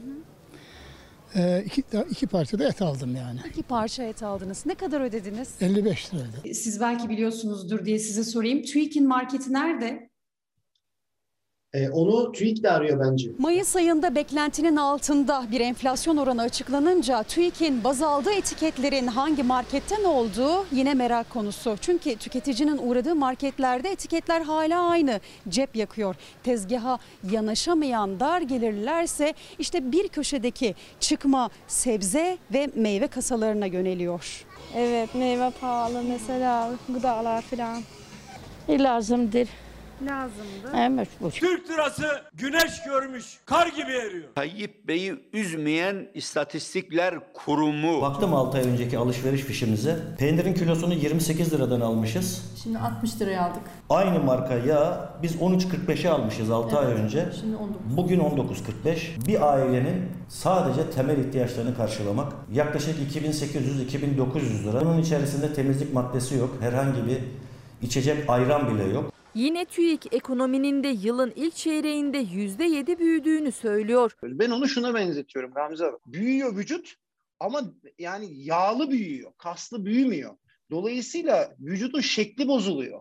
Vücudun yapısı bozuluyor. Enflasyon memurlar, çalışanlar için önemli. Çünkü artık enflasyona göre zam yapılıyor ücretlere. Çalışanlar da madem büyüdük bu büyümeden payımızı alalım diyor. Bir ilk çeyrek refah var ortada. %20'lik bir enflasyon artı refah artışı sunulması lazım. Büyümeden pay almasını istiyorsak. Ama ilk 6 ay için %20'lik zammı hükümet verebilir mi? Bana sorarsanız bu bütçe şartlarında çok mümkün gözükmüyor. Karar Gazetesi'nde seçtiğimiz iki haber daha var. Onları da tamamlayalım. Sonra çok sayıda mesaj geliyor esnaftan, esnafımızdan. Onlar durumlarını anlatıyor, müjde beklentilerini hatırlatıyorlar. Bir haberimiz var yine esnafla ilgili. Üç kapıda kapalı. Bakalım neymiş Karar Gazetesi'ndeki haber. Salgınla mücadelede yaz sezonuna yetişelim kriterleri ni öne alan hükümet kademeli normalleşme kararları açıkladı ancak mevcut tablo en çok turistin geldiği 3 merkezi tatmin etmedi. Ekonominin lokomotifi sektörünü olumsuz etkileyecek ilk adımı seyahat yasağını uzatarak İngiltere attı. Ardından Rusya'da benzer tavır aldı. Son sıkıntılı gelişme Avrupa'da yaşandı. Brüksel kısıtlamaların kaldırılacağı ülkeler listesinde yine Türkiye'ye yer vermedi. 10 gün karantina kuralının Haziran'da da işleyeceği bildirildi. Bir yandan Rusya, bir yandan İngiltere ve Avrupa'nın merkezinden Brüksel'den alınan kararlar Karar Gazetesi'nde ilk sayfada ve müzik minizatta İşsiz sanatçılar için enstrümanlar satışa çıktı. Hükümete yönelik anlamlı destek çağrıları sürerken bir dikkat çeken proje daha hayata geçti. Pandemi nedeniyle sahnelerden kopan, programları iptal edilen sanatçılar seslerini duyurmak için gözünü yumma kampanyası başlattı. Red grubundan Doğan Duru evinin kirasını ödemek için iki gitarını sattığını duyurdu. Halk müziği sanatçısı Musa Eroğlu bağlamasını, Melek Mosso flütünü, Kurtalan Ekspres'in gitaristi Ahmet Güvenç ise bas gitarını işsiz kalan müzisyenler yararına satışına satışa çıkarttı. Ve birazdan tekrar hatırlatayım Har bir albüm ve bu albüm sahibi de Mustafa Özarslan. Mustafa Özarslan bu albümü çıkarttı ve gelirinin de işsiz kalan sanatçılar için, müzisyenler için böyle bir tasarrufta bulunmak istedi. Bir yandan da kendileri, yakınları, çevresiyle birlikte işsiz kalan sanatçılara gıda yardımı yapmaya çalışıyor. Şimdi anlamlı bir desteğe ihtiyacı var müzisyenlerin. Ne yaşadıklarını iyi tarif etmemiz gerekiyor. Az sonra Mustafa Özarslan'ı ve sazını burada konuk edeceğiz. Hem kendisini dinleyeceğiz hem bu pandemi sürecinin nasıl geçtiğini, nasıl yardımlarda bulunmaya çalıştıklarını kendisinden Mustafa Özarslan'dan dinleyeceğiz. Ama şimdi yine devam edelim, esnafımız diyelim. Esnafın yaşadığı sorunları hatırlatmayı sürdürelim. Su, sabun, deniz, Aylardır kapalı olan hamam esnafı İzmir'de peştemali sabunuyla yaptığı eylemle Saadet Partisi'nin esnaf kongresine katılanlarsa uzaktan bağlantıyla seslerini duyurmaya çalıştılar. Esnaflar kapalı, bankalar açık, vergi dairesi açık, devletimizin yasasına girecek olan bütün kurum ve kuruluşlar açık. Bu ne lahana, bu ne periz. Sosyal yardımlaşmaya ve kaymakamlığa gittiğimizde tamam biz size destek çıkıp diye bize koli gönderiyorlar. E ben vergi dairesine bir bulgur mu vereceğim, pirinç mi vereceğim? Stopajı veriyorum, katladığı yere veriyorum. Peşin vergiye de veriyorum. İyi de ben niye üst üste üç tanesini vereyim ki? Bir tanesini alınsın o ay için. Diğer iki tanesi benim çoluk çocuğumun boğazına gitsin. Dünyada şartların adeta durma noktasına geldiği dönemlerde bile Türk ekonomisi kontak kapatmadı. Peki sizde işler nasıl? Hani ülkede olduğu gibi yani pek bir hareket yok. İyi Parti lideri Akşener ise Karabüklü esnafı dinledi. Yerler anlatım biçimi değişti ama esnafın derdi aynı. Salgında açık kapalı fark etmeden hepsi vergi yükünden şikayetçi. Destek alanlar geçimlerine yetmediğini söylerken Çankırı'da CHP'li heyeti karşısında gören bir kahveci de bir buçuk yıldır hiç destek alamadım dedi. Araştırın hiçbir yerden bir kira yardım alamam. Dünyada esnafa en az destek veren ülkelerden birisi durumundayız. Borçlarını yeniden yapılandırdı. E bunları devlet olarak biz yaptık. Ama nankörlüğün boyutu yok. Cumhurbaşkanı Erdoğan destekler yetersiz diyenlere böyle seslenmişti ama TESK Başkanı da muhalefetin konuştuğu esnafları doğruladı. Yardımlar yetersizdi dedi. Pandemi sürecinde e, tabii esnafa verilecek destekler belki de yeterli değildi. Destek ve hibelerin büyüklüğü bu rakama lütfen dikkat. 661 milyar lirayı buldu. Hani hükümetlerde diyorlar ya. Ortada yardım falan yok. Milletin sırtında 661 milyar lira bir borç yükü var sadece. Var mı kredi borcunuz? Olmaz mı efendim? 150 milyar kredi borçluyum şu anda. Yani. Millet yaşadığına mı inansın yoksa Erdoğan'ın sözlerine mi inansın? Vatandaşa karşılıksız hibe olarak verilen destek önden topla, arkadan topla, sağdan topla, soldan topla 10 milyar lira. Destek olmayan destekler. Hibe, kira 12 bin lira para verdi. Bağkur'un devam ediyor. Sigortan devam ediyor. Stopajın devam ediyor. Bakın daha hayata ekmeğe suya gelmedi. Bunlar da topladığın zaman 20-25 bin lira. Kahveci hamam işletmecisi küçük esnafın pandemi döneminde sıkıntıları büyüdü. Yükselen sesler çoğaldı.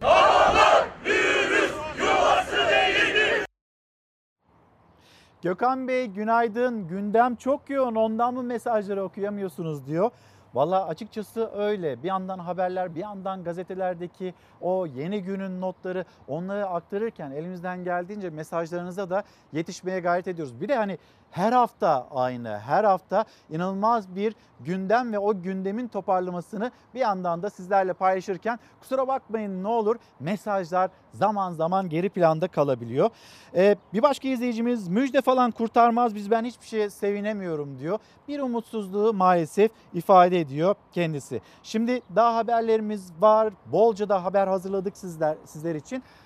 Ama şimdi gündemin de notlarını aktaralım. Yine ilginç bir haber var. Biz bunu geçtiğimiz haftalarda bolca tartıştık. Yani bir insan kaçakçılığı öyküsü, yeni bir insan kaçakçılığı iddiası söz konusu ve bu kez 30 kişilik Mehteran takımının 20'si onlar kayboldu. İddia bu. Kapıyı aç Veysel Efendi. Hayrola hocam nereye? Barbaros Hayrettin'i ziyarete. VIP insan kaçakçılığının bir ucu da Adana Karataş Belediyesi'ne ulaşmış durumda. Ama burada komik olan şey şu, Karataş Belediye'nin DAS ve Mehteran bölüğü ya da grubu yok. Bizim adımızı bu şekilde lanse eden tüm şahıslara, kurumlara bir suç duyurusunda bulunduk. Bir algı oluşturulmaya çalışılıyor. Film değil gerçek oldu. Hababam sınıfı filmdeki öğrenciler okuldan kaçmak için mehter takımı kurmuşlardı. Bu kez yurt dışına gri pasaportla insan kaçakçılığının parçası oldu mehteran takımı. Adres Adana Karataş Belediyesi. Mehteran bölüğü yok. Hakikaten tam bir hayali ihracatla, hayali insan karşı karşıyayız.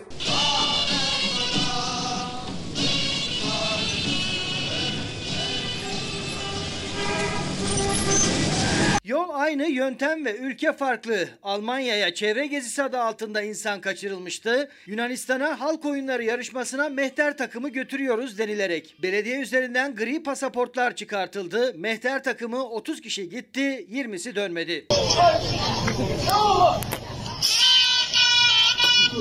2019'da 30 kişi gidiyor, 10 kişi dönüyor, 20 kişi dönmüyor. Oy birliğiyle böyle bir karar alındı. Bu belediye meclis üyelerimiz arasında İyi Partilisi, CHP'lisi, AK Partilisi ve MHP'lisi meclis üyelerimiz var.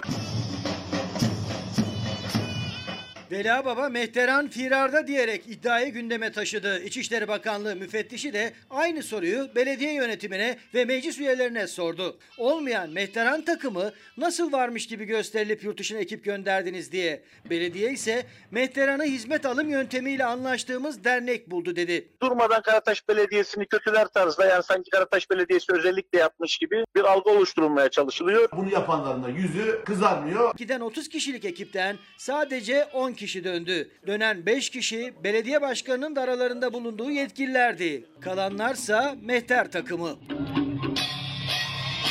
AKP'li ve MHP'li belediyeler İçişleri Bakanlığı duymazdan görmezden geliyor. Ağbaba ile belediye arasındaki düello sosyal medyaya da taşındı. Belediye Yunanistan'a gönderilen Mehter takımının festivalden fotoğraflarını paylaşırken Ağbaba Hababam sınıfındaki bir sahneden alıntıyla karşılık verdi. Hazır yolumuzun üstündeyken bir de Viyana'ya uğrayacağız. Oh oh kazanız mübarek kılıcınız keskin ola. Karataş'ta Mehteran usulü gri pasaportla insan kaçakçılığı iddialarına ilişkin son noktayı yargı koyacak. Hazır yolumuzun üzeriyken bir de Viyana'ya uğrayacağız. Kim bilir nerede o olmayan Mehteren takımının üyeleri 30 kişi gidiliyor. Sonra 20 kişi onlar dönmüyor. Bu konuyla ilgili tartışma devam ederken Milliyetçi Hareket Partisi de ne olup bittiğiyle ilgili bir soruşturma başlattığı parti içinde. Şimdi haberlerimize devam ediyoruz. Müjdemi isterim başlığımız ve belki de hani İzmir'den müjde olarak düşünebileceğiniz bir haber. Tüm İzmirli vatandaşlarımıza da müjdeli bir haber vermek istiyorum. Ekonomik şartlar ne kadar zorlasa da 2021 yılı sonuna kadar suya zam yapmayacağız. İzmir Büyükşehir Belediye Başkanı Tunç Soyer 2021'de suya zam yapmayacaklarını açıkladı. Bir zam yapılmayacağı haberi de Hatay Büyükşehir Belediyesi'nden geldi. Zarar eden bir kurumu daha da fazla zarar edip iş yapamaz hale getirme, elini konunu bağlama konusunda getirmiş olduğunuz bu öneriyi vicdani sorumluluğunuzu yerine getirmek için biz bu işe hayır diyoruz. İSSU Genel Kurulu İzmir Büyükşehir Belediye Başkanı Tunç Soyer yönetiminde yapıldı. İSSU'nun 2020 yılında hayata geçirdiği yatırımları, devam eden çalışmaları ve başlayacak projelerini anlattı Soyer. Ekonomik şartlar ne kadar zorlasa da 2021 yılı sonuna kadar suya zam yapmayacağız. Bütçe planımızda yer alan, meclisimizde onaylanan ve 2021 yılı Temmuz ayında yapılması öngörülen %10'luk zammı da iptal ediyoruz dedi. 2 milyar e, 100 milyon liralık gider bütçesi olan İSSU 841 milyon liralık yatırım yapmış. Hatay Büyükşehir Belediyesi Su ve Kanalizasyon İdaresi Genel Kurulu'nun ikinci birleşimi ise Lütfü Savaş Başkanlığında yapıldı. Başkan Lütfü Savaş fiyatlarda yapılacak değişikliğin kanunlara aykırı olduğunu belirtti. Hatay'da su fiyatlarında 2021 yılı ücret tarifesinde belirlenen mevcut ücretten %20 indirim yapıldı. İzmir'den de bir Çanakkale'ye geçelim. Çanakkale'de köylülerin bir çağrısı var.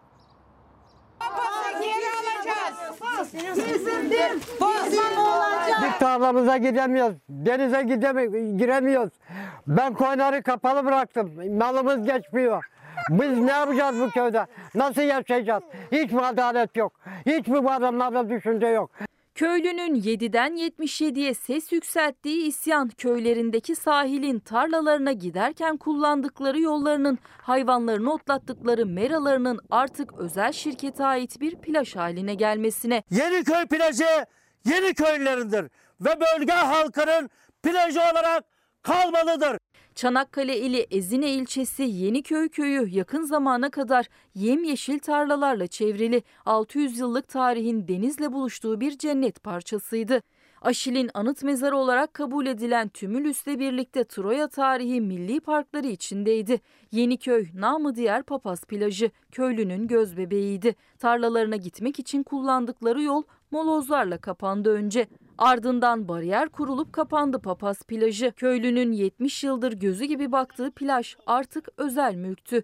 Bir tabela asıldı cama. Giriş artık paralıydı. Biz bu tarlaları açtık. Taşlar böyle öküzlerle süreyle taşları topladık attık. Nasıl tarla yaptık? Onları nasıl bırakalım? Nasıl çocuklarımız işlemesin? Onlar neyle geçinsin? Tarım ve Orman Bakanlığı ihale yoluyla özel firmaya vermişti plajı. Köylü mağdur edildikleri iddiasında. Çünkü hem hayvanlarını otlattıkları meralarından oldular hem tarlalarına ulaştıkları yoldan hem de 70 yıldır gözleri gibi baktıkları plajlarından. Ekinim sararmış. Nereden geçeceğim ben? Arkadan bak yolu kapamışlar. Ben nereden geçeceğim oraya? Yaz aylarında zaten su sıkıntısı yaşadıklarını söylüyorlar. Haklarını mahkemede aramaya hazırlanıyorlar şimdi. En küçüğünden en büyüğüne Papaz plajı vatandaşındır diyorlar. Devlet büyüklerimizden de çok acilen köy halkımızın haykırışını ve sesini duymasını, gerekli olan müdahaleyi yapmasını talep ediyoruz. Doğru mu arkadaşlar? Hemen bir mola diyeceğiz. Dönüşte de müzik susmaz. Bu başlık altında bir sanatçımızla konuşacağız.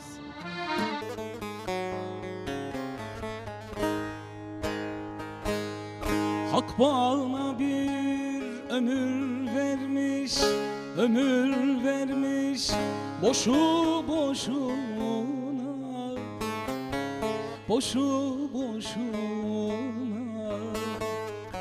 boşu boşuna. Vücuduma bir can girmiş, bir can girmiş boşu boşuna. Boşu Boşu boşuna Su akar deryaya varır Deryadan may çıkar. Gökyüzünde yağmur olur Gökyüzünde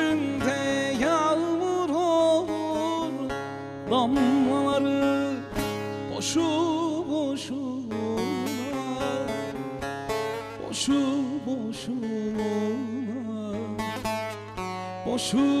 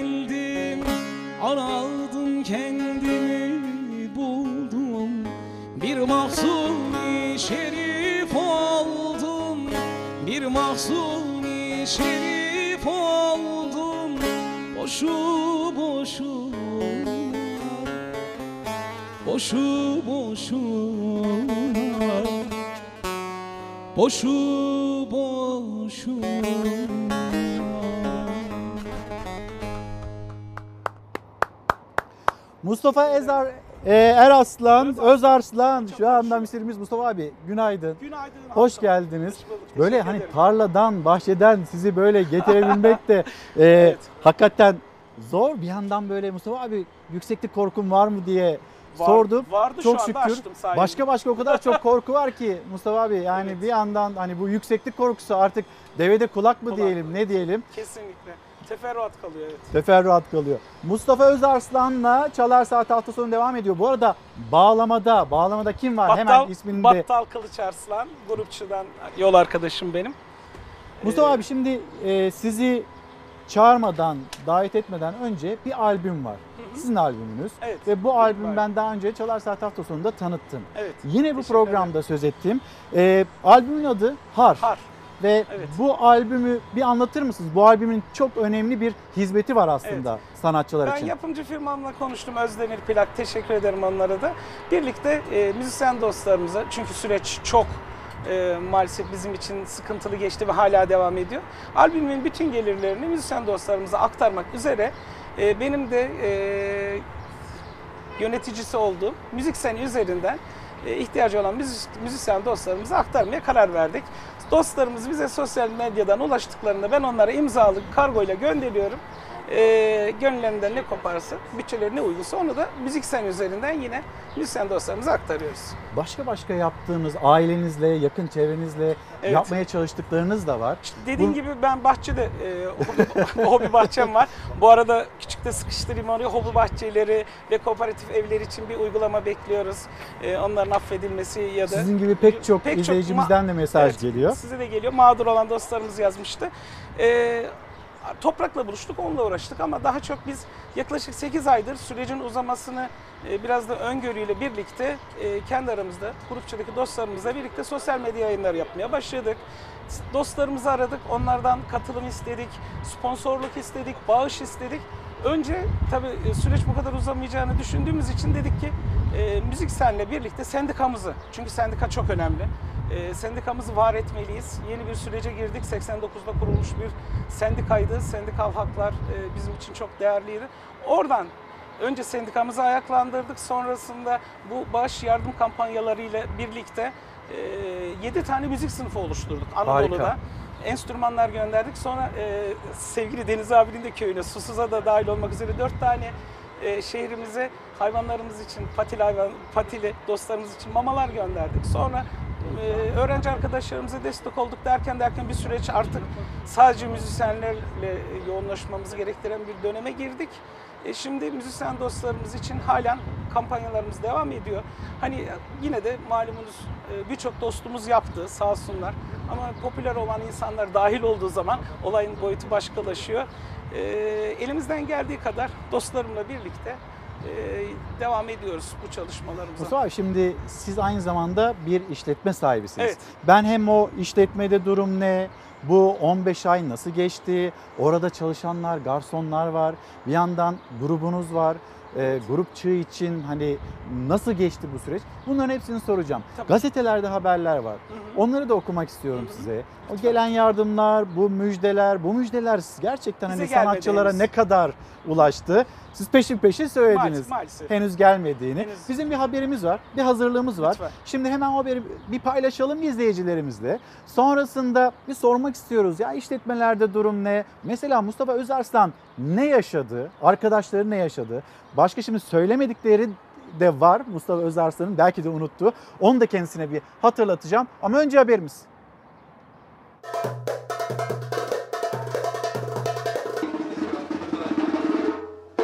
Özlediniz mi çalmayı? Tabii ki de. Sonuçta severek yaptığım bir iş. Peki şimdi ne yapıyorsunuz? Şu anda karakolda çalışıyorum. Hizmet vermekteyim.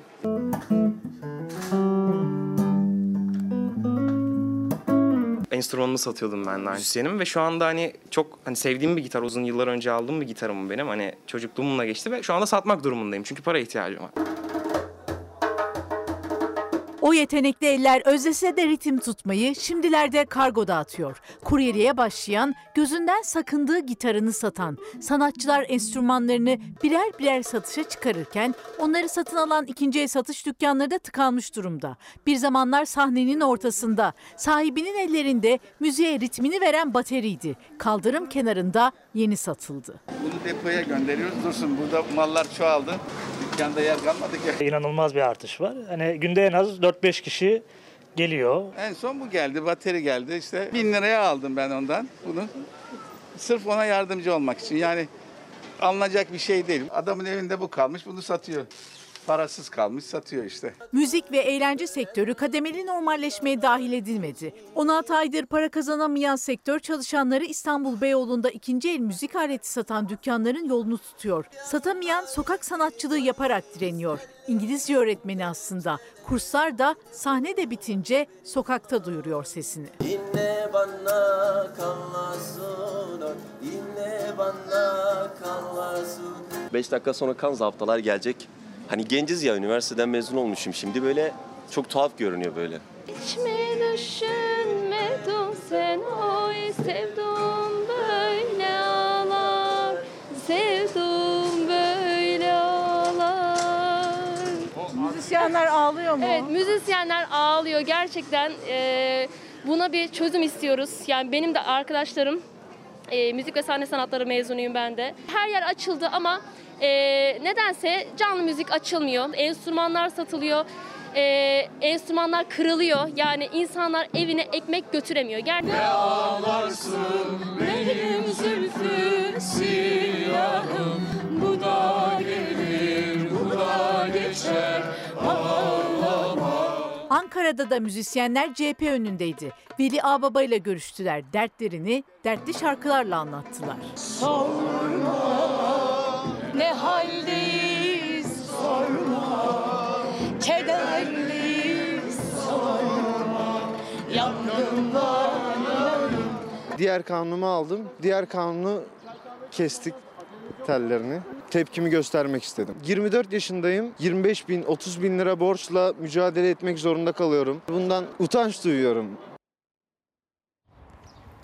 Sevgili seyirciler Mustafa Özarslan aslında Ankara'da nefes almak istediğimizde sığındığımız limanlardan birisi. Ama 15 aydır tabii ki pandemi, Türkiye'nin koşulları maalesef ne hani onlar grupçı, onlar buluşabiliyor ne de diğer sanatçılar onlar seyircilerle buluşabiliyor. Şimdi bir işletmesinde, işletmelerde durum nasıl ve bir yandan da işte sanatçı arkadaşlar onlarda durum nasıl? Bunu konuşacağız. Kendisine soracağım ama bu haberi okudum. Ama bir kez daha okumak istiyorum çünkü manşeti başlığı çok çarpıcı. Karar Gazetesi işsiz sanatçılar için enstrümanlar satışa çıktı. Mustafa abi müzik mezatta bu haberin başlığı.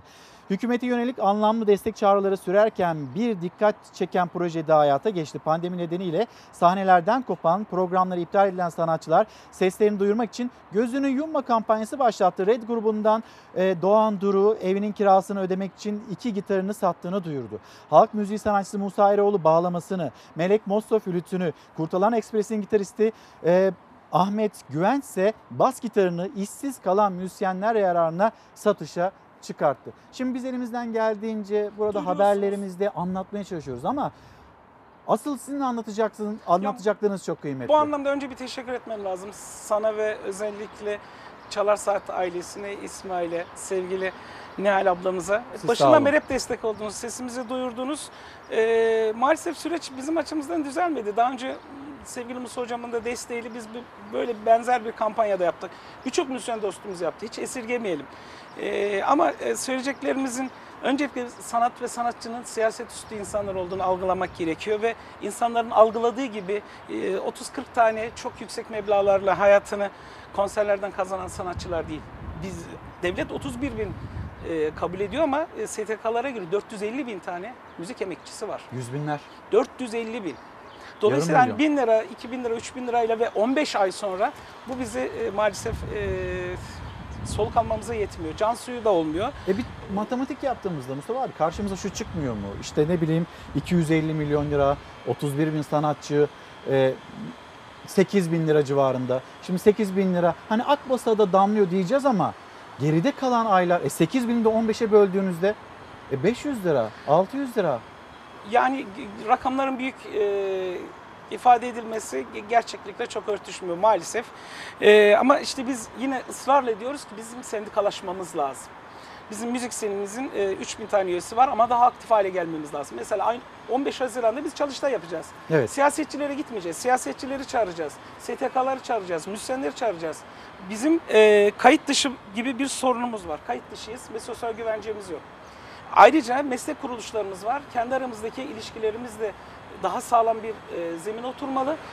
Bir de şöyle bir handikapımız var. MIOR 1, MESA, MSG, e, MÜYAP bunların yasal olarak müzisyenlere katkıda bulunma şansı yok. Yasal düzenleme istiyoruz. Bir yasal düzenlemeyle bizim kayıt dışılığımızın engellenmesi gerekiyor. E, onun dışında ne söyleyebilirim? Mesela Yardımları 64. söyler madde misiniz? var. Yani şimdi Söyleyeyim. sanatçılara 250 milyon lira böyle bir müjde veriliyor. Yok hayır bunu bir gerçeklikle ka- yani alakası Siz yok. yardım aldınız mı? Kırk- Hayır almadım. Ben 15 aydır bir işletme sahibiyim. 50 tane insanın hayatını idame ettirmeye çalışıyorum. Var olan her şeyi bitirdik. Borçlarımız da var. Çok resmidir. Her şeyi söyleyebilirim. Gerek yok ama 1 lira biz yardım almadık. Kardeşim burada. Müzik grup çığında 1 lira yardım aldığı yok.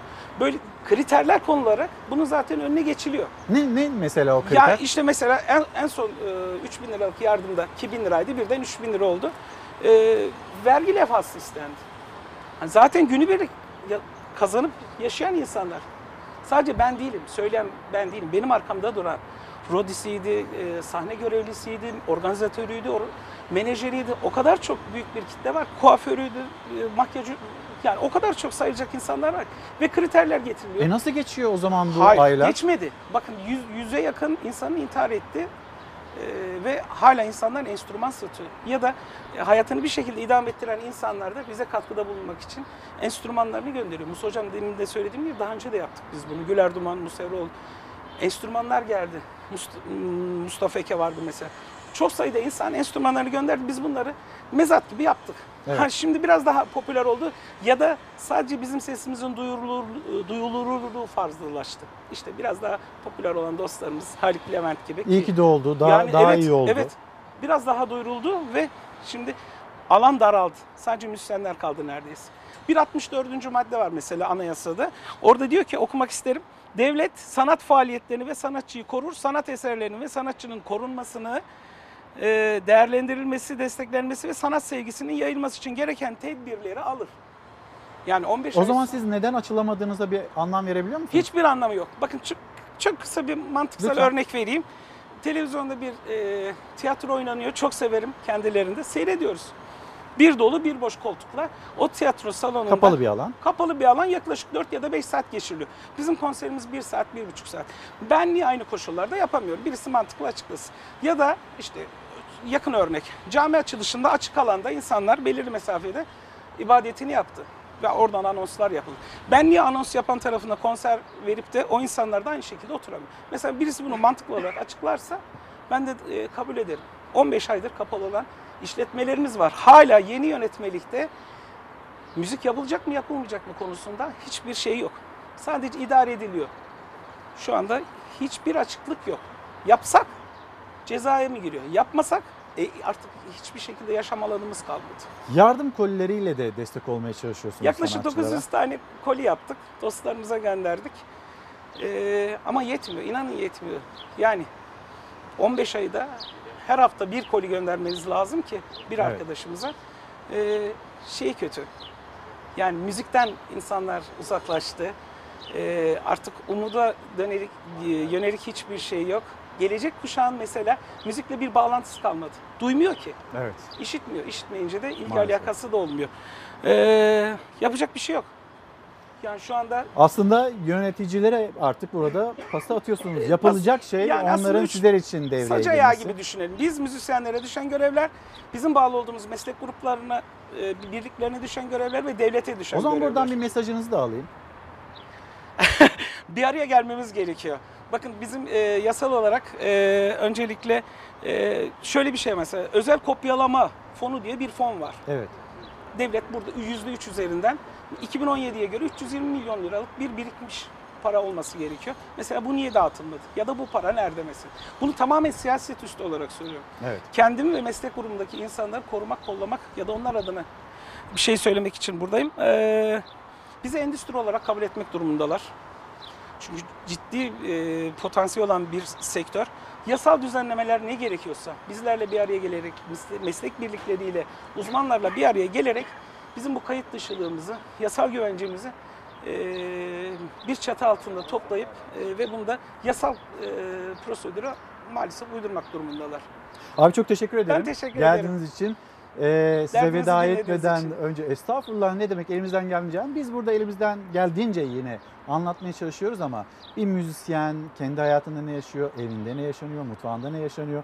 Bunu sizden duymak çok daha önemli. Yetkililerin de yine ilk ağızdan sizden duyması çok daha önemli. Şimdi ben Mustafa Özarslan'a teşekkür ederken bir yandan da bağlamada Battal Kı- Kılıç Arslan'a teşekkürümü ederken eğer yormazsam Evet. madem böyle müzik susmasın dedik. Susmamalı. Ruhumuzun temizliği, arınması için müzik susmamalı. Geleceğe umutla bakmak için müzik kesinlikle susmamalı. Hem Sonuna sizin- kadar direneceğiz biz. Hem sizin sesinizi özledik hem bağlamanın sesini Teşekkür özledik. ederim. Ekran karşısındaki milyonlar da öyle. Bir şarkı, bir türkü daha Türkü alabilirsek. söyleyelim. Böyle biraz da gündemi anlatıyor. Zamanında Ozan Tamam. Emekçi anlatmış. Bu Dinliyoruz sene böyle abi. oldu. Bir mağduriyet yılını anlatıyor. Çok denk düşüyor. Onu söyleyelim. Peki, dinliyoruz. Herkese ve size çok teşekkür ederiz. Biz Fox teşekkür ederiz ailesine, geldiğiniz için. Seyredenler, halkım. Hoşçakalın. Tarlamızda da çokmuş bu sene de böyle oldu. Kara saman çatlakmış bu sene de böyle oldu. Tarla sürülemedi,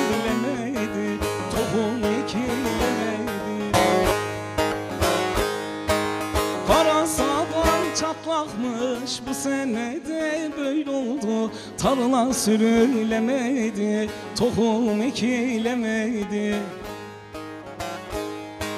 Elbistan'ın düzünden usanmadım tozundan Bir zalimin yüzünden bu senede böyle oldu Tarla sürülemedi, tohum ekilemedi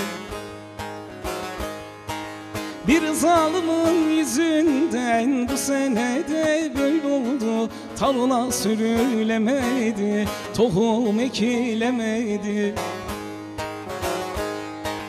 Emekçiyim de öfke yatar yine de.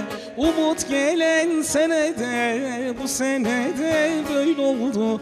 Tarla sürülemedi, tohum ekilemedi Umut gelen senede bu senede böyle oldu Tarla sürülemedi, tohum ekilemedi Battal Kılıç Aslan tekrar teşekkürler. Ben misafirlerime hoşçakalın derken şimdi sizleri bir turizm haberiyle buluşturayım hemen. Gel. Covid-19 salgınının gölgesinde virüs korkusuyla geçen kışın ardından turizm sektörü bahar misali çiçeklenip açmak istiyor. Kışın salgınla mücadelesine dikkat eden yazın turizm geliriyle ödülünü alıyor. Avrupa Birliği'nin başı çektiği ülkeler arasında aşı sertifikası uygulaması başladı. Yurt dışında tatil düşünenler için ülkelerin durumunu Oksijen gazetesi derledi. Kritik olan elbette negatif Covid-19 testi ve aşı. En yakın komşu Yunanistan Türkiye'deki aşıların hepsini kabul ediyor ama iki dozu da yaptırmak gerekiyor. Testler çoğu ülkede ücretsiz. Fransa'da Türkiye'den gelenler için 10 gün karantina şartı var. Karantina kurallarını bozmanın cezası ise tam 1000 dolar. İspanya, İtalya, Hırvatistan, Macaristan'da aşı belgelerini göstermek yeterli. Amerika Birleşik Devletleri yolculuktan önceki 3 gün içinde yapılmış negatif test sonucunu istiyor. Daha önce virüse yakalananlarsa 90 gün içinde iyileştiklerine dair belge sunmak durumunda. Bir kez ülkeye girdikten sonra herhangi bir merkezde aşılanma yapılabiliyor. Ayda 4000 Euro'dan fazla geliri olan herkes Dubai için 12 aylık uzaktan çalışma vizesine başvurabiliyor. 600 Euro olan vizenin beraberinde aşı hakkı da geliyor. İngiltere'de bu tür imkanı olan zenginlere 55 bin dolara bir aylık Dubai aşı tatili satışı yapılıyor. Maldivler'de ise aşı olmak için ülkeye ayak basmak yeterli. Maldiv Turizm Bakanlığı adada virüs kapacak bir kişiyi özel jetle evine gönderme taahhüdünde bulundu. Türkiye'ye gelince toplam aşı sayısı 30 milyonu buldu. İlk doz aşılananların sayısı 17 milyonun biraz üzerinde. Turizm beldeleri ise bu yılı geçen yıldan daha iyi geçirmeyi umuyor. İzmir, Çeşme ve Seferihisar vaka sayılarını sıfırladıklarını açıkladı. Plajlarda ve işletmelerde güvenlik önlemleri arttırıldı. Rize'de ise tüm sahile dezenfektan makineleri konuldu. Hanımefendi hem kendi elinizi hem çocuğun elini dezenfekte yapabilirsiniz. Birleşmiş Milletler Kalkınma Programı da bir turizm firmasıyla ortak olarak Mirasım Türkiye projesi başlattı. Proje çocuklara çevre bilinci ve turizm ilkelerini anlatmayı amaçlıyor.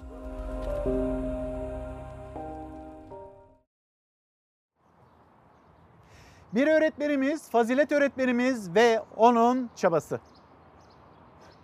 Matematiği seviyordum. Geometri. Kullandıkları defter yaprakları, kullandıkları not kağıtları, kitaplar hepsini getiriyor öğrenci. Her sene 3 tona yakın atık topluyoruz okulumuzda. Kağıt, plastik, pil hatta giyilmeyen okul kıyafetleri ne varsa topluyor Fazilet öğretmen. Topladığı her atık öğrencilere kitap olarak dönüyor. Test kitaplarımı e, aileme yük olmadan hani alabiliyorum. Amacımız burada ağaçların kesilmesini engellemek, doğamızı korumak, e, çevremize bilinçli insanları yetiştirmek. Ankara Çubuk'ta Gevher Nesibe Mesleki ve Teknik Anadolu Lisesi'nde alan şefi öğretmenliği yapıyor Fazilet Ünlü. 5 yıl önce okulda geri dönüşüm projesi başlattı. Öğrenciler kullandıkları kitap defterleri, topladıkları mavi kapakları okula Fazilet öğretmene götürüyor.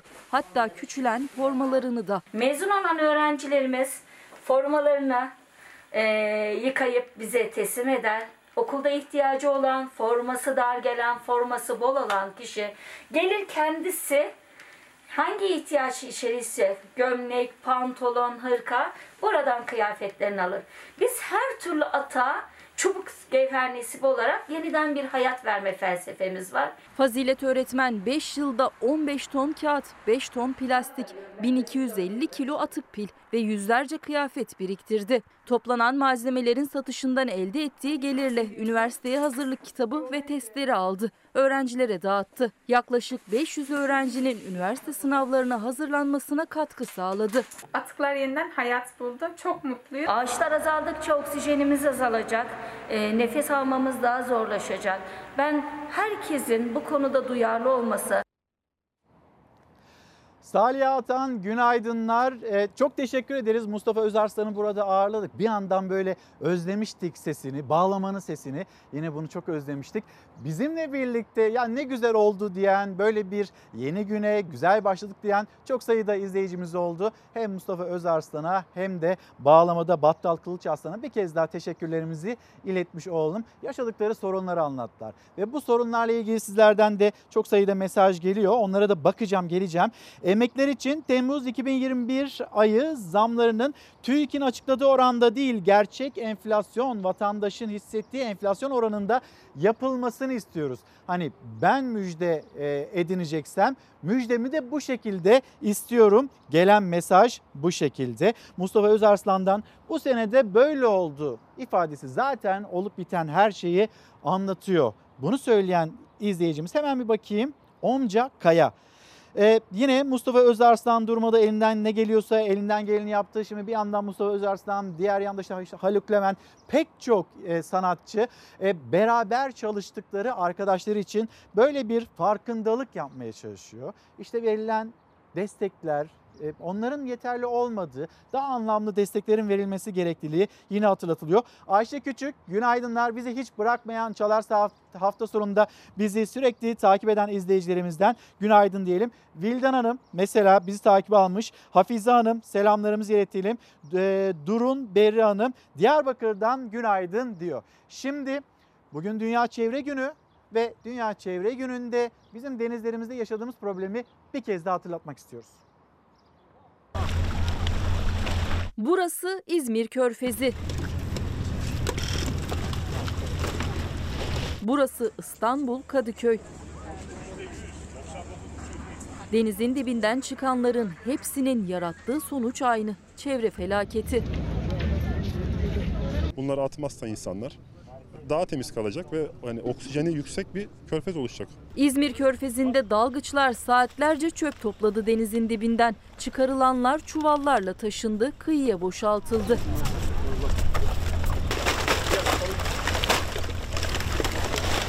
Gelip geçenler hayretle baktı masmavi denizin insan eliyle kirletilen, görünmeyen acı yüzüne. Şişe, ayakkabı, oyuncak her şey vardı çıkarılanların arasında.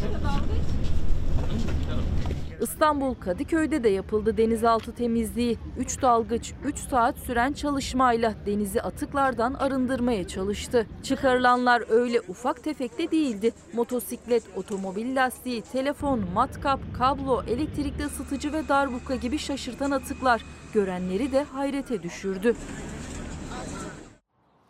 Murat Solmaz, günaydın. Sanatçılar unutuldu bu süreçte, antrenörler unutuldu, özel okul öğretmenleri. Unutulan pek çok kesim, pek çok sektör var. Onlar da kendilerini hatırlatıyor. Ya biz burada bir sorun yaşıyoruz. Bizim yaşadığımız problemleri de lütfen görün. Hani rakamlar açıklanıyor, büyüyoruz deniliyor. Yani tamam devletin rakamlarının ya da devletin büyüyor olması, bütçesinin büyüyor olması önemli. Ama vatandaşa bir şey yansımayınca bunun bir anlamı olmuyor. Cebe bir şey yansımayınca, mutfağa yansımayınca bunun pek bir kıymeti de maalesef olmuyor. Şimdi İstanbul Emniyet Müdürlüğü'nü alarma geçiren bir şiddet görüntüsü İstanbul.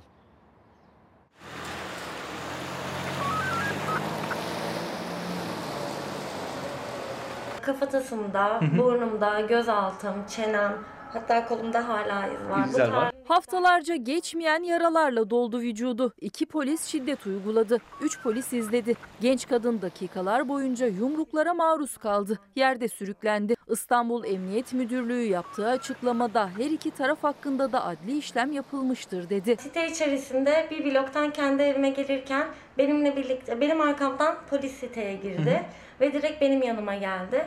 Nereye gidiyorsun deyip bana hakaretler savurdu. Ben de bu üslupla ben- benimle konuşamazsınız söyledim ve daha büyük hakaretler etti.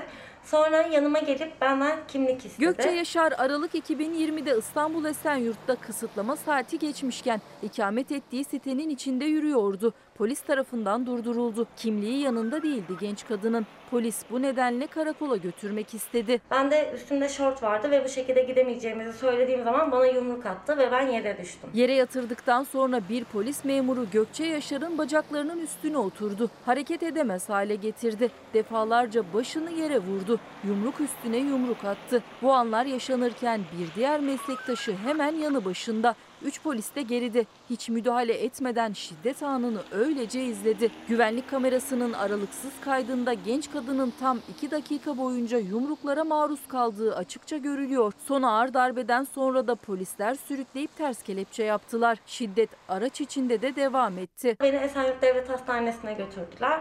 Orada bana darp raporu vermediler.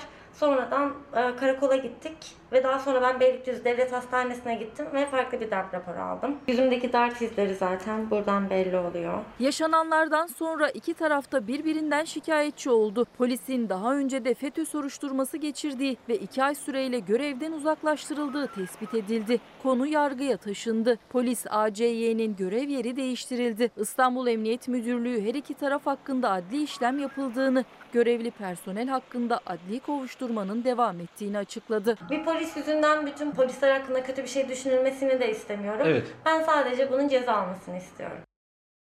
Bugün yasak yok ve bu yasaksız günde farklı bir etkinlik yapalım diyenler için hatırlatalım. Art Contact İstanbul'da. Ee, İstanbul bu yıldan itibaren yeni bir uluslararası Çağdaş Sanatlar Fuarı'na daha ev sahipliği yapıyor. Genç sanatçılara önem vermenin yanı sıra kamusal alanda sanat çalışmalarını ve uluslararası işbirliklerini hedefleyen fuarda yerli, yabancı, bine yakın sanatçının eserleri açık alanda sergileniyor. Nerede bir daha söyleyelim. Art Contact İstanbul'da tekrar hatırlatalım. Farklı, güzel bir gün geçirelim diyenler için. Efendim şimdi bir mola vereceğiz. Son, son cümlelerimiz için de geri döneceğiz. Efendim bir kez daha günaydın. Çalar Saat'e bugün için nokta koyacağız. Kitaplarımız var. Bir de bebeğimiz var. Hemen bu bebeğin hikayesini paylaşmış olayım sizlerle. 23 Nisan 2018 tarihinde başlayan Pudu Hepa ve Kız Kardeşleri projemiz sayesinde TOÇEV aracılığıyla 120 kızımızın eğitimini destekledik. Türkiye'nin farklı illerinden 50'den fazla kadın evlerinden çalışarak ekonomiye kazandırıldı. İşte bu bebekte bunun ürünü. Hemen Renan Tan Tavukçuoğlu teşekkürlerimizi iletelim. Bir kitap Asuman Baytop adı konulmamış çiçeklerin kaşifi ve Demet Kılıç. Diğer kitaplarımıza da bakalım. Senin maceran, İyi şifresinin peşinde Elif Alp, Bozok'tan Usta Kalemler Mehmet Özuzun, Murat Erciyaz, Yalancı için bir boşluk Simla Sunay'ın kitabı ve İclal Aydın Söylenememiş, söylenmemiş sözler İclal Aydın'ın yeni kitabı. Efendim bugün için noktalarken her zamanki gibi teşekkürümüz sizlere. Bizi izlediğiniz için teşekkür ederiz. Yarın bir manikeder olmazsa saatler 8.30'u gösterdiğinde Çalar Saat hafta sonunda karşınızda olacağız. Hoşçakalın, güzel bir gün olsun.